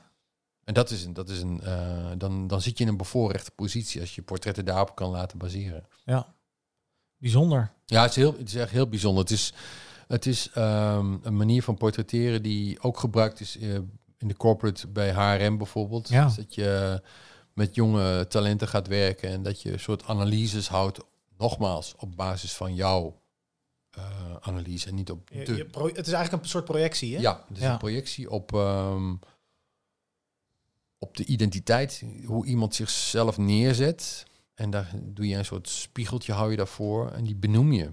Dus je beoordeelt niet, je veroordeelt niet, je benoemt. En dat kan heel verhelderend werken. Maar soms ook eh, heftige discussies. Ja. En dat is prachtig. Dat is echt het mooiste wat er is. Ja. En als je een- iemand hebt die daar niks mee te maken wil hebben, die, eh, dan, dan komt het ook vaak niet aan de orde. Nou ja, en daarnaast kan ik me zo voorstellen dat het, eh, om het even het kaliber, kaliber mensen waar jij mee werkt, die hebben soms ook niet de tijd en de ruimte om met jou zo de diepte in te gaan. Nee, Dan nee, is het gewoon, ja, sorry, maar tijd is geld. En vijf minuten kost heel veel geld. Kijk, bij mij kan je uren ouwe hoeren, kost je niks. maar hè, ik bedoel, als jij inderdaad een ik Robbie heb, eh, Williams of weet ik veel wie... eh, Nou ja. Robbie Williams is, is, is inderdaad een, een, een, een deurtje te ver. Maar ik heb, ik heb met Kelly Jones, ik weet nog, we, we waren in het Midden-Oosten op tour. Heb ik portretten voor hem gemaakt. Heel bewust die portretten gemaakt. Die werden ook gebruikt in het tourboek. Maar toen hebben we over onze dochters gepraat. En over allerlei privézaken. En over eh, eh, eh, twee vaders. Dus er werd de camera, de gitaar, alles ging weg. En als twee volwassen mannen over hun kinderen pratend, hebben we de basis gelegd voor die portretten. Daarna, Ja, ja. wetende dat je die portretten gaat maken. Dus niet zozeer van schiet op. Nee, zo'n gesprek is dan een hoeksteen van zo'n portret. Ja.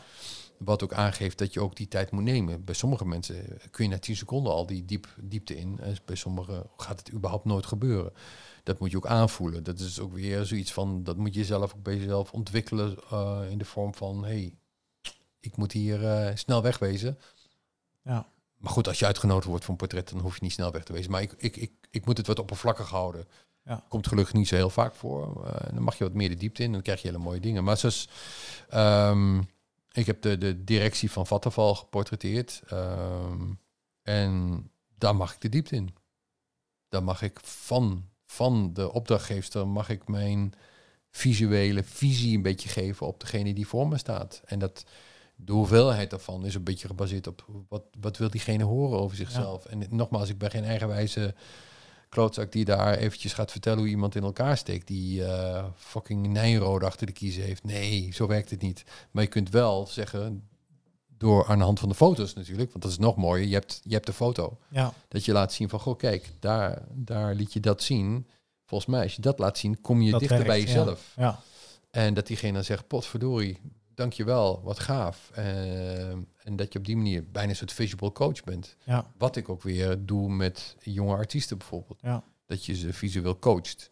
En het is daarin heel belangrijk dat je ook zelf wel een likable guy bent. Toch? Je moet wel een, een bepaalde... Ja, Ja, het is geen gunfactor, maar het is wel een bepaalde... Je moet wel een, mens-mens zijn, een klik hebben met mensen. Ja. Of, of vind jij dat niet, eh, niet nou? Is dat ondergeschikt? nou, dat is de basis. Toch? Ja. Dat is de basis. De basis. Kijk, ik heb fotografie gekozen als medium om het te uiten. Maar soms ehm, maak ik ook geen foto en dan maak je in je gedachten de foto. Maar de, de interactie is hetzelfde. De, Ja. de dynamiek is hetzelfde. Het benoemen van de elementen zijn hetzelfde. Van die linker en die rechter gezicht zelfs. En, en, en, en stem en dan dat soort dingen allemaal. En soms leg je dat dan vast. En soms ook niet.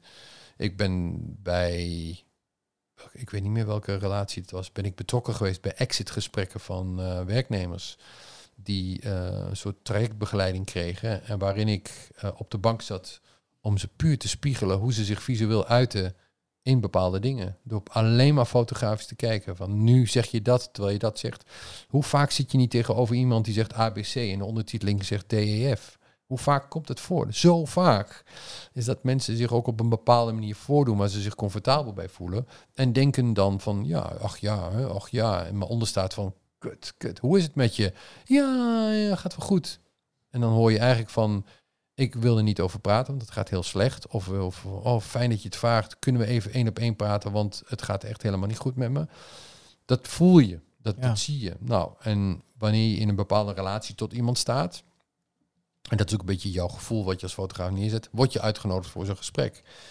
En ik krijg vaak te horen van, goh, eh, had je geen psycholoog willen worden? Nee, fotograaf, bam. het mooiste wat er is. Ja, dat Eh, is de, ja, het is- enige antwoord nu. ja, Ja. ja, ik, nee, ik zou, ehm, ik zou wel een psycholoog willen helpen door eh, foto's te maken en in die beeldtaal een, een tool te zijn, een hulpmiddel tot. Ja, maar ja.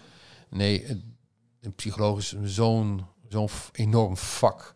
Dat eh, natuurlijk is psychologie ook ontstaan doordat mens tot mens dingen zijn gaan analyseren, dingen zijn gaan opschrijven enzovoort. En nogmaals, als iemand psychologie heeft gestudeerd, dan is de interpretatie van het vak veel belangrijker nog dan het uitvoeren van de kennis. Ik denk dat een psycholoog welvaart op zijn persoonlijke interpretatie, gebaseerd op zijn kennis. En dat is wel de fotografie ook. Dat is in ieder vak. Op het moment dat je de, de, de, de theorie tot je hebt, eh, waardoor je een krabbel krijgt, u bent geslaagd, komt pas het echte werk en het is dat je het als Ja. persoon interpreteert. Het is jouw vak ook. Absoluut. Dat is in, in alles. En daar, we leven wel in een tijd dat we daar ehm, meer, steeds meer naartoe mogen. Dat is dat je mag interpreteren. Dus dat je je vak mag uitbeelden in jouw context. Gebaseerd op eh, het weilandje wat je hebt gekregen van je werkgever. Of in mijn geval eh, je, je, je, je stijl. En dat is heel belangrijk, dat je daar, dat je daar een balans in vindt. Ja. En dan Mooi. kun, je, dan kun je heel ver gaan eh, daarin. Eh, dan mag je een band een gezicht geven. Dan mag je een, eh, een bedrijf een gezicht geven. eh, noem maar op. Dan mag je er heel ver in gaan. Jij hebt een boek op tafel liggen. Ja, Wat kan je daarover vertellen? dat is mijn tweede boek. Mijn eerste is al ja, uitverkocht. Is, ja, is het uitverkocht? Is er al niet meer. Ja, uitverkocht, ja. Dit is mijn tweede boek, HPPH2, HP Photography, omdat het ook internationaal is. Het is een bloemlezing van, eh, van een periode in mijn eh, carrière van portret- en live fotografie, eh, creatieve portretten, live fotografie. ehm, in, een, in, een, in een manier van fotografie waar ik me extreem in thuis voel als het gaat om niks is te gek. Maak het, geef het je eigen draai, interpreteer tot je erbij neervalt. En dat bevalt een aantal mensen, waardoor ik al heel lang met ze samen Blijkbaar, ja. dat is wel eh, een beetje een understatement inderdaad. Maar goed. Maar dat is, dat is, een, dat is een, een, een, een, ja, een, bundeling van, eh, van een aantal eh, iconische foto's waarvan ik vind die moesten in een boek. Is er een foto waar jij het meest eh, trots op bent? Ja, de cover. Eh, de cover laat Kelly Jones zien. Eh, een, een, een, een zeer dierbaar, eh, hoe zeg je dat, iemand waar ik een vriendschap mee op heb gebouwd in de afgelopen jaren. Eh, ze worden vergeleken met de Beatles. Ze hebben van de tien albums zeven op nummer één gehad. Het hebben alleen maar de Beatles volgens mij gepresteerd enzovoort. Ze worden nog steeds in Engeland als een van de grotere gezien. In de omgang met elkaar speelt dat overigens geen rol. Want ik zit gewoon één met één, één op één met hem of met de band. Gezellig te eten of wat dan ook. eh, puur één op één. Dus he- met dat hele verhaal eromheen heb je helemaal niks te maken. Wel is dat je weet dat jouw foto die kant op gaat als die gepubliceerd wordt. Ja. Maar hier in dit beeld laat je eh, een soort van iconisch eh, silhouet zien met een, een ruitshirt wat een grafisch element wordt, waarin je het karakter van hem laat zien. En als je dit beeld in Engeland laat zien, ze, helaas doen ze in Nederland een stuk minder dan daar, eh, dankzij de radio, eh, is, is dat ze, eh, als je dit in de UK laat zien, dan weet iedereen, ah, het is Kelly Jones, het is Ja. Kelly Jones, het is Kelly Jones. Iedereen één op één, van jong tot oud, weet, weet wie dit is. En als je dat kan ze laten zien, zonder iemands identiteit te laten zien, want je ziet geen ogen of wat dan ook, je ziet alleen een silhouet, dan vind ik dat mooi, dan vind ik dat spannend, dan vind ik dat is een uitdaging om dit live te doen. Want dit Ja. is een live, dit is in Swindon in Zuid-Engeland gefotografeerd, ik weet nog precies. Ze werden toen gesponsord door G-Star. Eh, en, en, en die tour, dat was echt een lekker rauwe tour in, eh, in de bus eh, door Engeland heen. En s'avonds ga je met je laptopje zitten werken en dan zie je dit beeld en denk je van yes, dit is een voltreffer. En laat Ja. je van Kelly zien en dan op zijn Engels, it's, um, quite nice. Weet je wel. Looks nice. Ja. That's nice. Maar dit is. ehm, dit is het beeld waar ik wel. Ja, echt trots op ben. Omdat ik vind dat alles. Wie ik ben als fotograaf. Ook als mens, want daardoor is die foto tot stand gekomen. Hier samenkomt. De imperfectie van het haar voor zijn oog. eh, de vierkante compositie. De scherpte diepte. De kleurschakering van het zwart naar het grijs.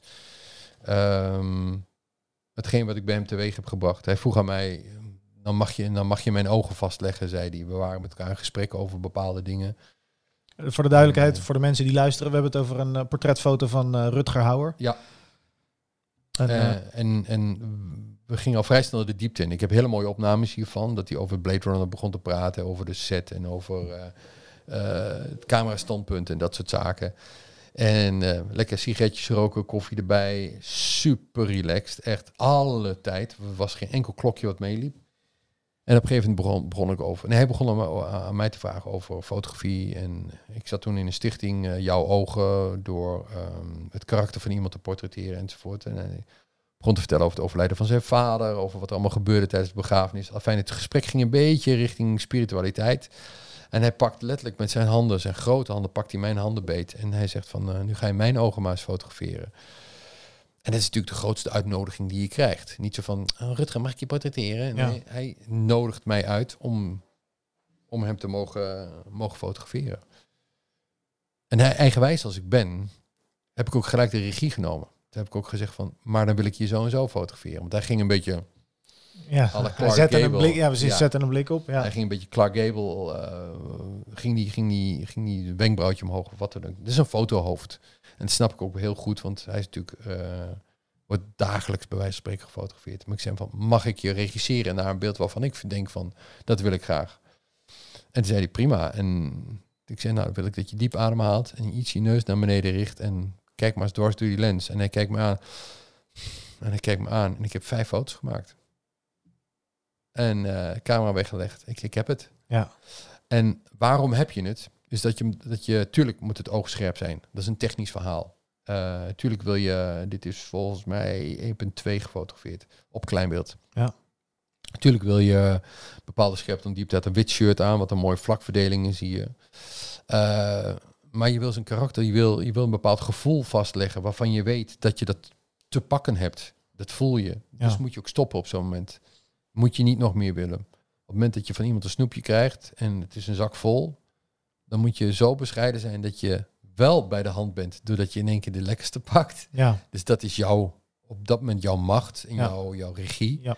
Dus je kijkt van tevoren even naar die zak en denkt, oh die rode, die grote rode, die zit iets, en dan ga je met je hand erin en dan wop, pak je in één keer die rode grote, bam. En daarna ga je niet nog een keer eentje pakken of nog een keer één of Nee. nog een keer één. Dat is impertinent. En dat is hier idem dito. Dus je, je, de uitnodiging, uitnodiging die je krijgt, pak je met twee handen beet. En, en, je, regisseert het naar jouw idealistische beeld van hem. En dat is dit tot, eh, tot gevolg. Ja, prachtig man. Je, je zei net van, in principe hang ik geen waardeoordeel aan, aan wat ik zie in iemand. Eh, je, je maakt er een soort van projectie op met jouw portretten. Eh, ik ben zelf, en misschien ben ik dan een beetje simpel, maar ik vind mensen wel mooi in de zin van aantrekkelijk of niet. Eh, kijk, als je zo'n gezicht ziet van Rutger Hauer met al die tekening, die karakter, die, de manier van kijken, dat is, daar zit een ongelofelijke aantrekking in zo'n gezicht. Eh, dus ik heb het niet over eh, in de zin van man vrouw, of vind je iemand mooi of niet, Mhm. maar de, de, de aantrekking Mhm. in iemands gezicht. Eh, heb, heb jij dat ook? Kijk je daar hetzelfde naar? Of heb jij zoiets van in, in elk mens zit een, een Ja, in iedere vrouw zit een potentiële Eva. In iedere man zit een potentiële Adam. En dat maar, is, maar er zijn toch hoofden die, die je veel portretteren omdat het zulke mooie hoofden zijn? Of, of, Ja, maar de, de, de- het, het mooie is, je zegt nu zelf eh, mooi of, of hoe dan ook. Nee, maar Eh, ja. eh, het is een interpretatie. Ja. Ehm, ik heb een theorie ontwikkeld. en dat is de Adam en Eva theorie. Ehm, er staat een, eh, in mijn geval, eh, ik ben heteroseksueel, dus ik val op vrouwen. Dus mijn seksuele kompas is voornamelijk gericht op vrouwen. Ik kan hem richten op mannen, ik kan daar een uitspraak over doen, maar daar gebeurt voor de rest niks. Nee. Het is gericht op een vrouw. Dus als je de Adam en Eva theorie loslaat op iemand en dan zeg je welke elementen van hetgeen wat je ziet en voelt eh, zou je willen eh, vergroten als je een half jaar met elkaar op een onbewoond eiland moet doorbrengen. Nou, clichématig val jij niet op dikke vrouwen. Val jij op dat soort vrouwen. enzovoort. Er komt een soort ideaalbeeld uit. Maar tegenover jou zit een vrouw die, die kan een soort van gevoel bij jou losmaken. Dat je denkt van, what the fuck gebeurt hier? Dit is gaaf. En ze voldoet op geen enkele manier aan jouw fysieke ideaalbeeld. Daar hou je het heel lang mee uit op een onbewoond eiland. En daar kan een relatie uit voortkomen. ook omdat als je maar te weinig eten hebt, wordt ze vanzelf dunner. Bij wijze van spreken. maar is dat je dus ah, van- in die Adam en Eva theorie dus eh, durft te benoemen waar, eh, waar het hem in zit, waardoor je het zou uithouden. ja. eh, kun je dat benoemen en portretteren. Dat kan een mond zijn, dat kan een neus zijn, dat kunnen ogen zijn, dat kan een geur zijn, dat kan de stem zijn, dat kan alles zijn, bij wijze van spreken. De mens is echt zo mooi, zit zo mooi in elkaar. Dat kunnen echt van alle elementen zijn. Maar door ehm, dat uit te spreken, en je hoeft echt niet stap 2 te zetten, want je gaat echt niet daadwerkelijk met een ticket een half jaar naar een onbewoond eiland. Maar puur door het uit te spreken, eh, neem je heel veel, heel veel eh, soort ruis haal je van de lijn. Want je bent namelijk eerlijk volgens je eigen gevoel aan het praten. Daar moet je wel genuanceerd mee omgaan. Je moet niet een soort van uh, uh, ode aan iemands Nee. brengen. Maar nee, je, je, ook niet iedereen is geschikt voor dit, voor dit gesprek. Dat, dat, dat doe ik ook niet bij iedereen. Het is niet zo van, oh, hey, lekker wijf, ik zal het wel. Nee, dat doe je genuanceerd. Um, door het te benoemen, um, creëer je heel veel zuiverheid. En is werkelijk waar iedereen mooi. Achter, um, wat is er dan mooi? Nou, als je dat durft aan te tippen, door te benoemen, dan kom je tot een heel fantastisch mooi portret. Ik heb wel eens tegen een dame gezegd, uh, als ik 15 was, zou je mijn vriendinnetje zijn. Als we allebei 15 zouden zijn. Want ik zie dat en dat in jou en dat spreekt me heel erg aan. Basta, dan is de lijn getrokken. Het enige wat ik heb genoemd is het benoemen van. Nee, het, is het, ultieme portret bestaat uit uh, het kortstondig aangaan van die relatie. Het benoemen van bepaalde dingen die jij ziet. En daar een portret op baseren. En daarna is het gewoon gordijntjes dicht, klaar. Ik bedoel, uh, uh, ja, nee, daar, ja, dan houdt het gewoon op. Dus, Ja. en, en, maar dat portret heeft wel die lading van Ja. die relatie die je even aan bent gegaan. En voor degene die geportretteerd wordt, ehm, dat vind ik misschien nog wel het allerbelangrijkste. Die moet naar huis gaan met het idee van wauw, dit was bijzonder. Want dan heeft ze iets van zichzelf durven te geven. Of, of hij, Ja. maakt niet uit wie het is. Die heeft iets van zichzelf kunnen geven. En datgene is vastgelegd op dat eh, stukje fotografie. Ja. ja, ik merk dat vaak eh, als, ik, eh, als ik straatfotografie aan het bedrijven ben, dan eh, af en toe dan smokkel ik een beetje en dan ga ik ook straatportretten maken, dus portretten op straat.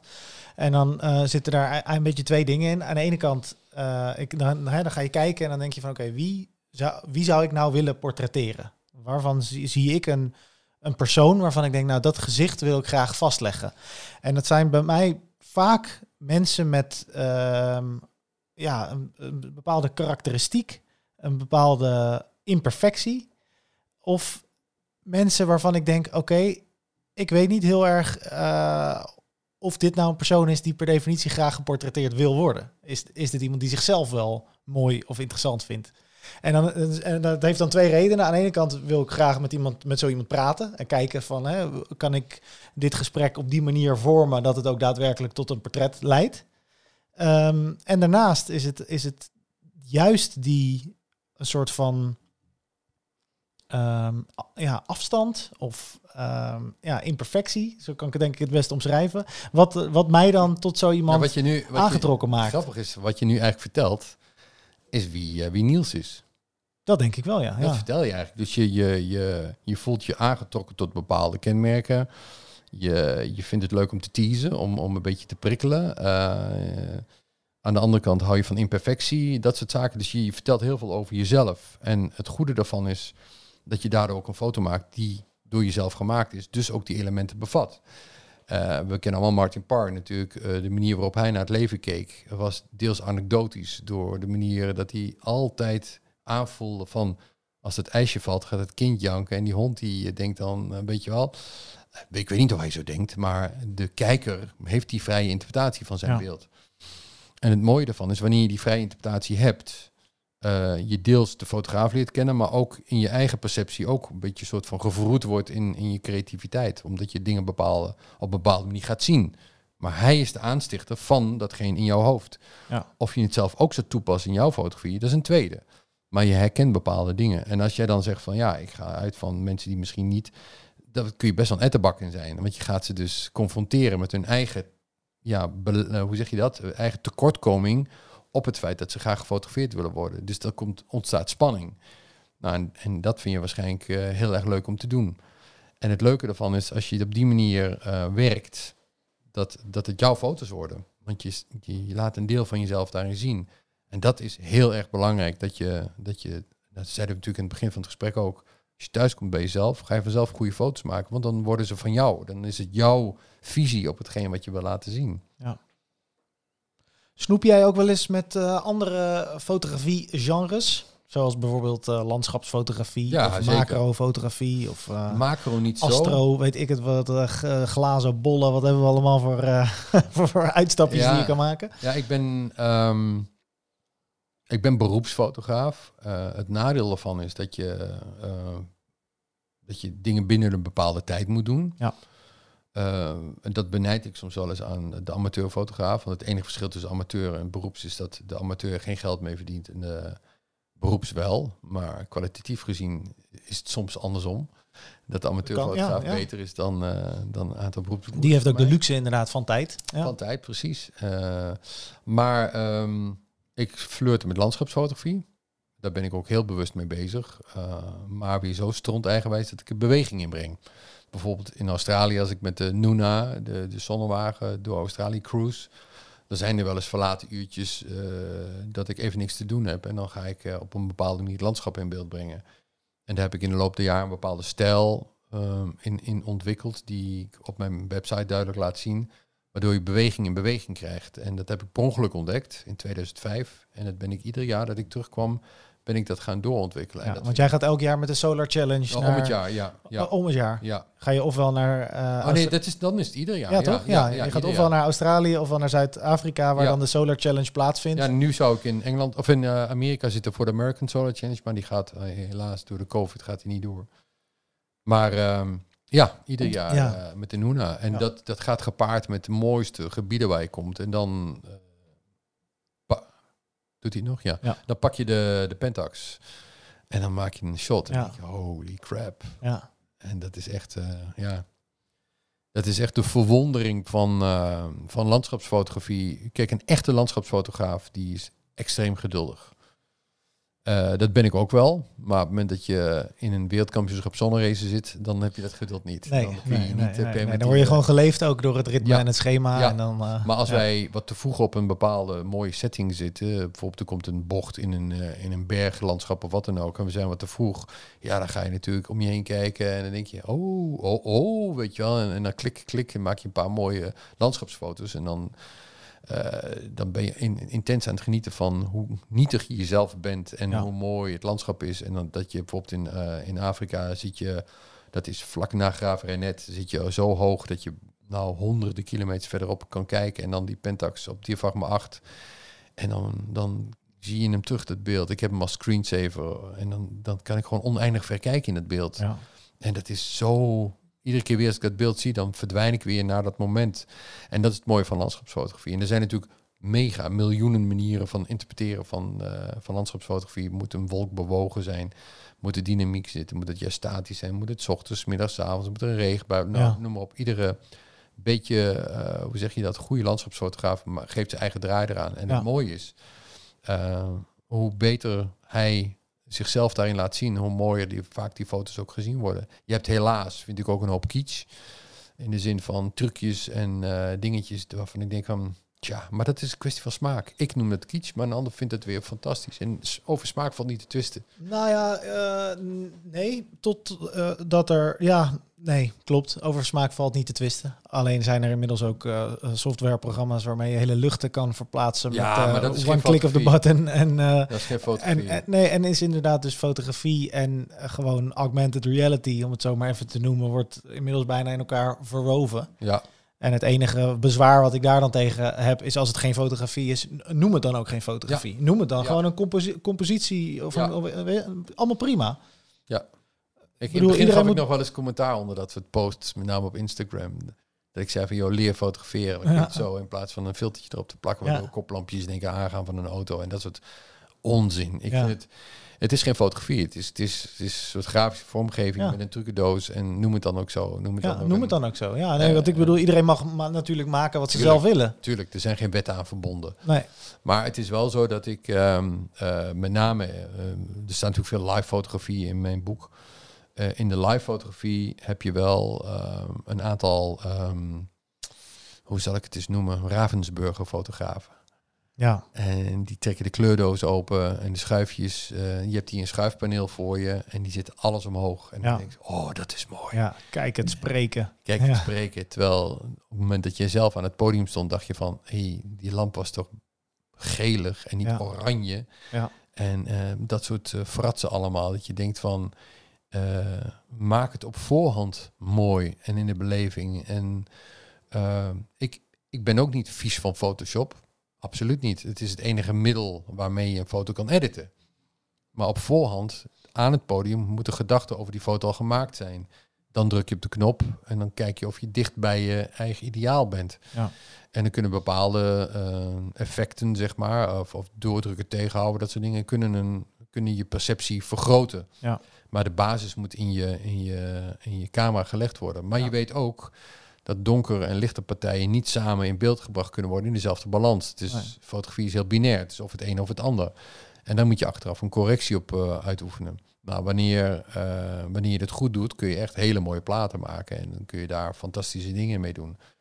En dan zegt ook een, eh, laat ik het zo zeggen, in een documentaire, die in de Muse-film praat ik over dat iedere foto artistiek ingelijst zou moeten kunnen worden. Dat moet jouw streven zijn.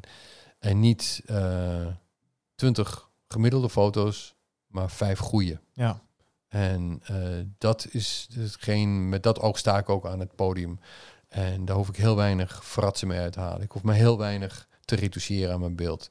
Hooguit ehm, eh, wat, wat, wat, wat, wat esthetische dingetjes of zo. En soms dan, dan maak ik het tegen wat zwarter of, of druk ik het wat meer door of wat dan ook. Maar in de basis, wat ik al zei, ook in het begin van ons gesprek, doe ik een mise en place. Dan heb ik een, een, een soort edit gecreëerd voor, voor, voor welke artiest dan ook. En die gaat dan over iedere foto heen gedurende het hele jaar van die tour. Krijgt iedere foto diezelfde edit. En daarbij ga ik een beetje tweaken aan andere dingetjes. Maar Ja. dan, daarmee creëer je ook je handtekening. Ja, inderdaad. Echt een sfeer en een stijl. En Ja. ik vind, eh, eh, naarmate je meer ook bezig bent met, ook met de ontwikkeling van, van hè, de, de editing en hoe het er uiteindelijk uit komt te zien, dan ga je al heel snel zien van ook bepaalde halo's, kleurzwemen die niet kloppen, bepaalde vertekening, dat overduidelijk is dat iemand te zwaar op de schijf heeft, eh, Ja, heeft gedrukt. en het grappige is dat, dat vind ik nog het meest kwalijke. Op het moment dat je artiest A, B en C fotografeert, moet je dus ook een A, B en C foto krijgen. Je moet verschillende foto's krijgen, want je kunt naar tien artiesten gaan per week, maar ze hebben alle tien hun eigen performance. Ze hebben een eigen lichtman, ze hebben, of geen lichtman, meestal wel, maar ze hebben allemaal een eigen verhaal. Dus je moet als fotograaf daar ook tien verhalen van maken. Dus eigenlijk zou geen foto op elkaar moeten lijken. En dat is met portretten ook. Je kunt een techniek handhaven. Van ik werk graag met grote objectieven. Eh, ik werk graag met korrel. Ik werk graag met eh, bepaalde bla bla bla bla. Maar kleuren, dat soort zaken, composities, moeten bepaald worden door de interpretatie naar de artiest toe. Ja. En wanneer je ieder artiest op dezelfde manier fotografeert, ja, dan is het eenheidsworst. Dan lijkt artiest A lijkt het op artiest B, lijkt op artiest C. En je ziet geen verschil meer. Nee. Dus het zijn allemaal dezelfde soort foto's. En dat, daarmee onderscheidt de goede live fotograaf zich van de minder goede. Ja. En eh, doordat je een band durft te interpreteren. Dus dat je, als je voor, nou laten we wat extreem noemen, de National, of je staat voor Ramstein, of je staat voor Chef Special, dan krijg je drie verschillende, compleet verschillende foto's. Ja. Omdat alle drie de artiesten compleet uiteenlopende muziek maken. De klanken eh, klinken door in het beeld. Ja, en de, de, de, de, de manier van performen. Wat doet een zanger van een band? Is die heel uitgesproken? Als die heel timide en rustig is, kun je hem heel groots weergeven. Dat is heel mooi, omdat zijn uitstraling eh, misschien wel mooier is dan zijn hele beweging. Ja. Eh, andersom, als je een heel expressieve fotograaf hebt en die in één keer heel stil en Artiest. of, eh, Ja. sorry, artiest hebt, dan kun je daar ook weer. Ja. Dus constant geprikkeld worden door eh, hetgeen wat die artiesten wil neerzetten. Ja, dat is, dat is fantastisch. En bij bijvoorbeeld een Depeche Mode of bijvoorbeeld een Ramstein, Muse is ook een band, kun je echt heel ver gaan. Want daar komen heel veel elementen tevoorschijn. Maar als een Stereophonics moet je weer heel erg terug naar de basics. Dan moet je veel meer gaan werken op uh, souplesse en op uh, compositie en op kleine mimiekjes. Terwijl uh, het, het, grote verhaal van bijvoorbeeld een Ramstein, maar ook een Muse uh, of wat dan ook, mag je wat groter ook te werk gaan. En, en, en mag je wat meer uh, op die manier je, je interpretatie er tegenaan houden. Ja, mooi. Waar kunnen mensen jou vinden?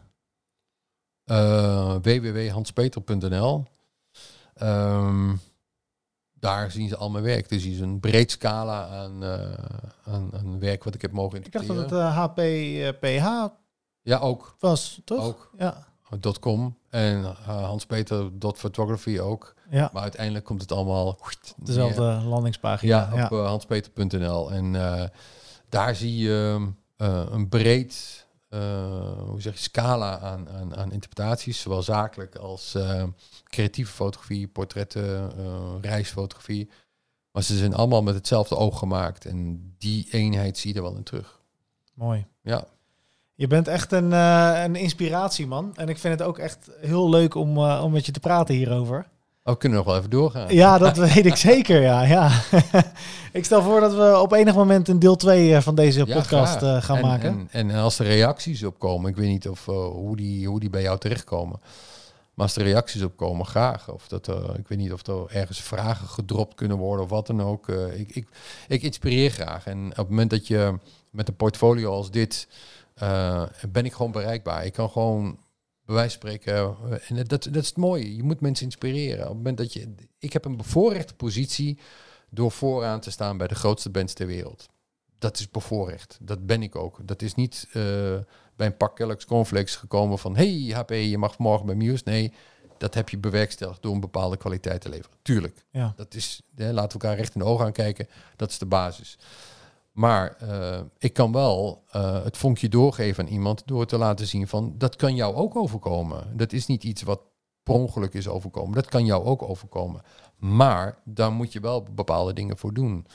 En daar kan ik mensen in inspireren. En of dat nou een bandfoto is, of dat je de beste bruidsfotograaf van Nederland wordt, of de beste autofotograaf. Dat zijn dingen die uh, bij je persoonlijkheid horen. Maar dat je geïnspireerd kan worden door uh, te luisteren naar iemand wat hij te vertellen heeft en hoe die er gekomen is, dat is heel belangrijk. En kijk niet uit um, jaloezie, maar kijk uit, uh, uit tevredenheid en uit van een soort van honger, maar gezonde honger. En dan, dan kan, dat, kan dat heel interessant voor je zijn. Tot slot, welke tip zou jij meegeven aan jonge, aanstormende fotografen, aspirerend fotografen? Um, het allerbelangrijkste is dat je de foto maakt die uh, bij je past. Uh, ik heb wel eens een lezing gegeven voor een club en daar gingen mensen mijn foto's namaken. En die, stuurden ze mij dan van, kijk, dat kan ik ook. Kijk, dat kan ik ook. Uh, ja, dat kan ik ook, bij wijze van spreken. Maar dat is niet een foto van jou. Een foto van jou is een foto van me zegt van, hé, hey, heb jij die gemaakt? En hoe eerder je bij jezelf terechtkomt, dat je jezelf leert kennen, hoe eerder je komt in een eigen stijl. En dat is echt een gouden tip voor iedere fotograaf. Kijk in de spiegel. Wie staat daar? En welke fotografie past daarbij? Uh, live fotografie heeft een rock'n'roll imago. Iedereen wil aan het podium staan en noem maar op. Maar of je dan ook een live fotograaf bent, misschien ben je wel de beste dierenfotograaf en dan loop je het helemaal mis daardoor. Maar je moet durven kleur te bekennen en in de spiegel te kijken en zeggen van daar, daar, daar zit mijn punt. En als je dat ontdekt, dan ga je ook in die discipline van fotografie ook echt heel goed worden. Maar daar zit echt de gouden tip. Ontdek jezelf en dan ontdek je ook een stijl. Mooi. Al jouw uh, links en sociale media die uh, staan ofwel in de show notes van deze podcast of in de beschrijving van deze video op YouTube. Want deze uh, podcast is te bezien, te zien en te beluisteren. Ehm, mag ik jou hartelijk bedanken voor je tijd en je kennis en je inspiratie. Heel graag gedaan. Niet alleen voor mij, maar ook eh, voor, de, voor de mensen die, eh, die dit eh, hebben mee mogen luisteren en bekijken. En nou ja, ik hoop tot in de volgende podcast. Ja, heel graag gedaan.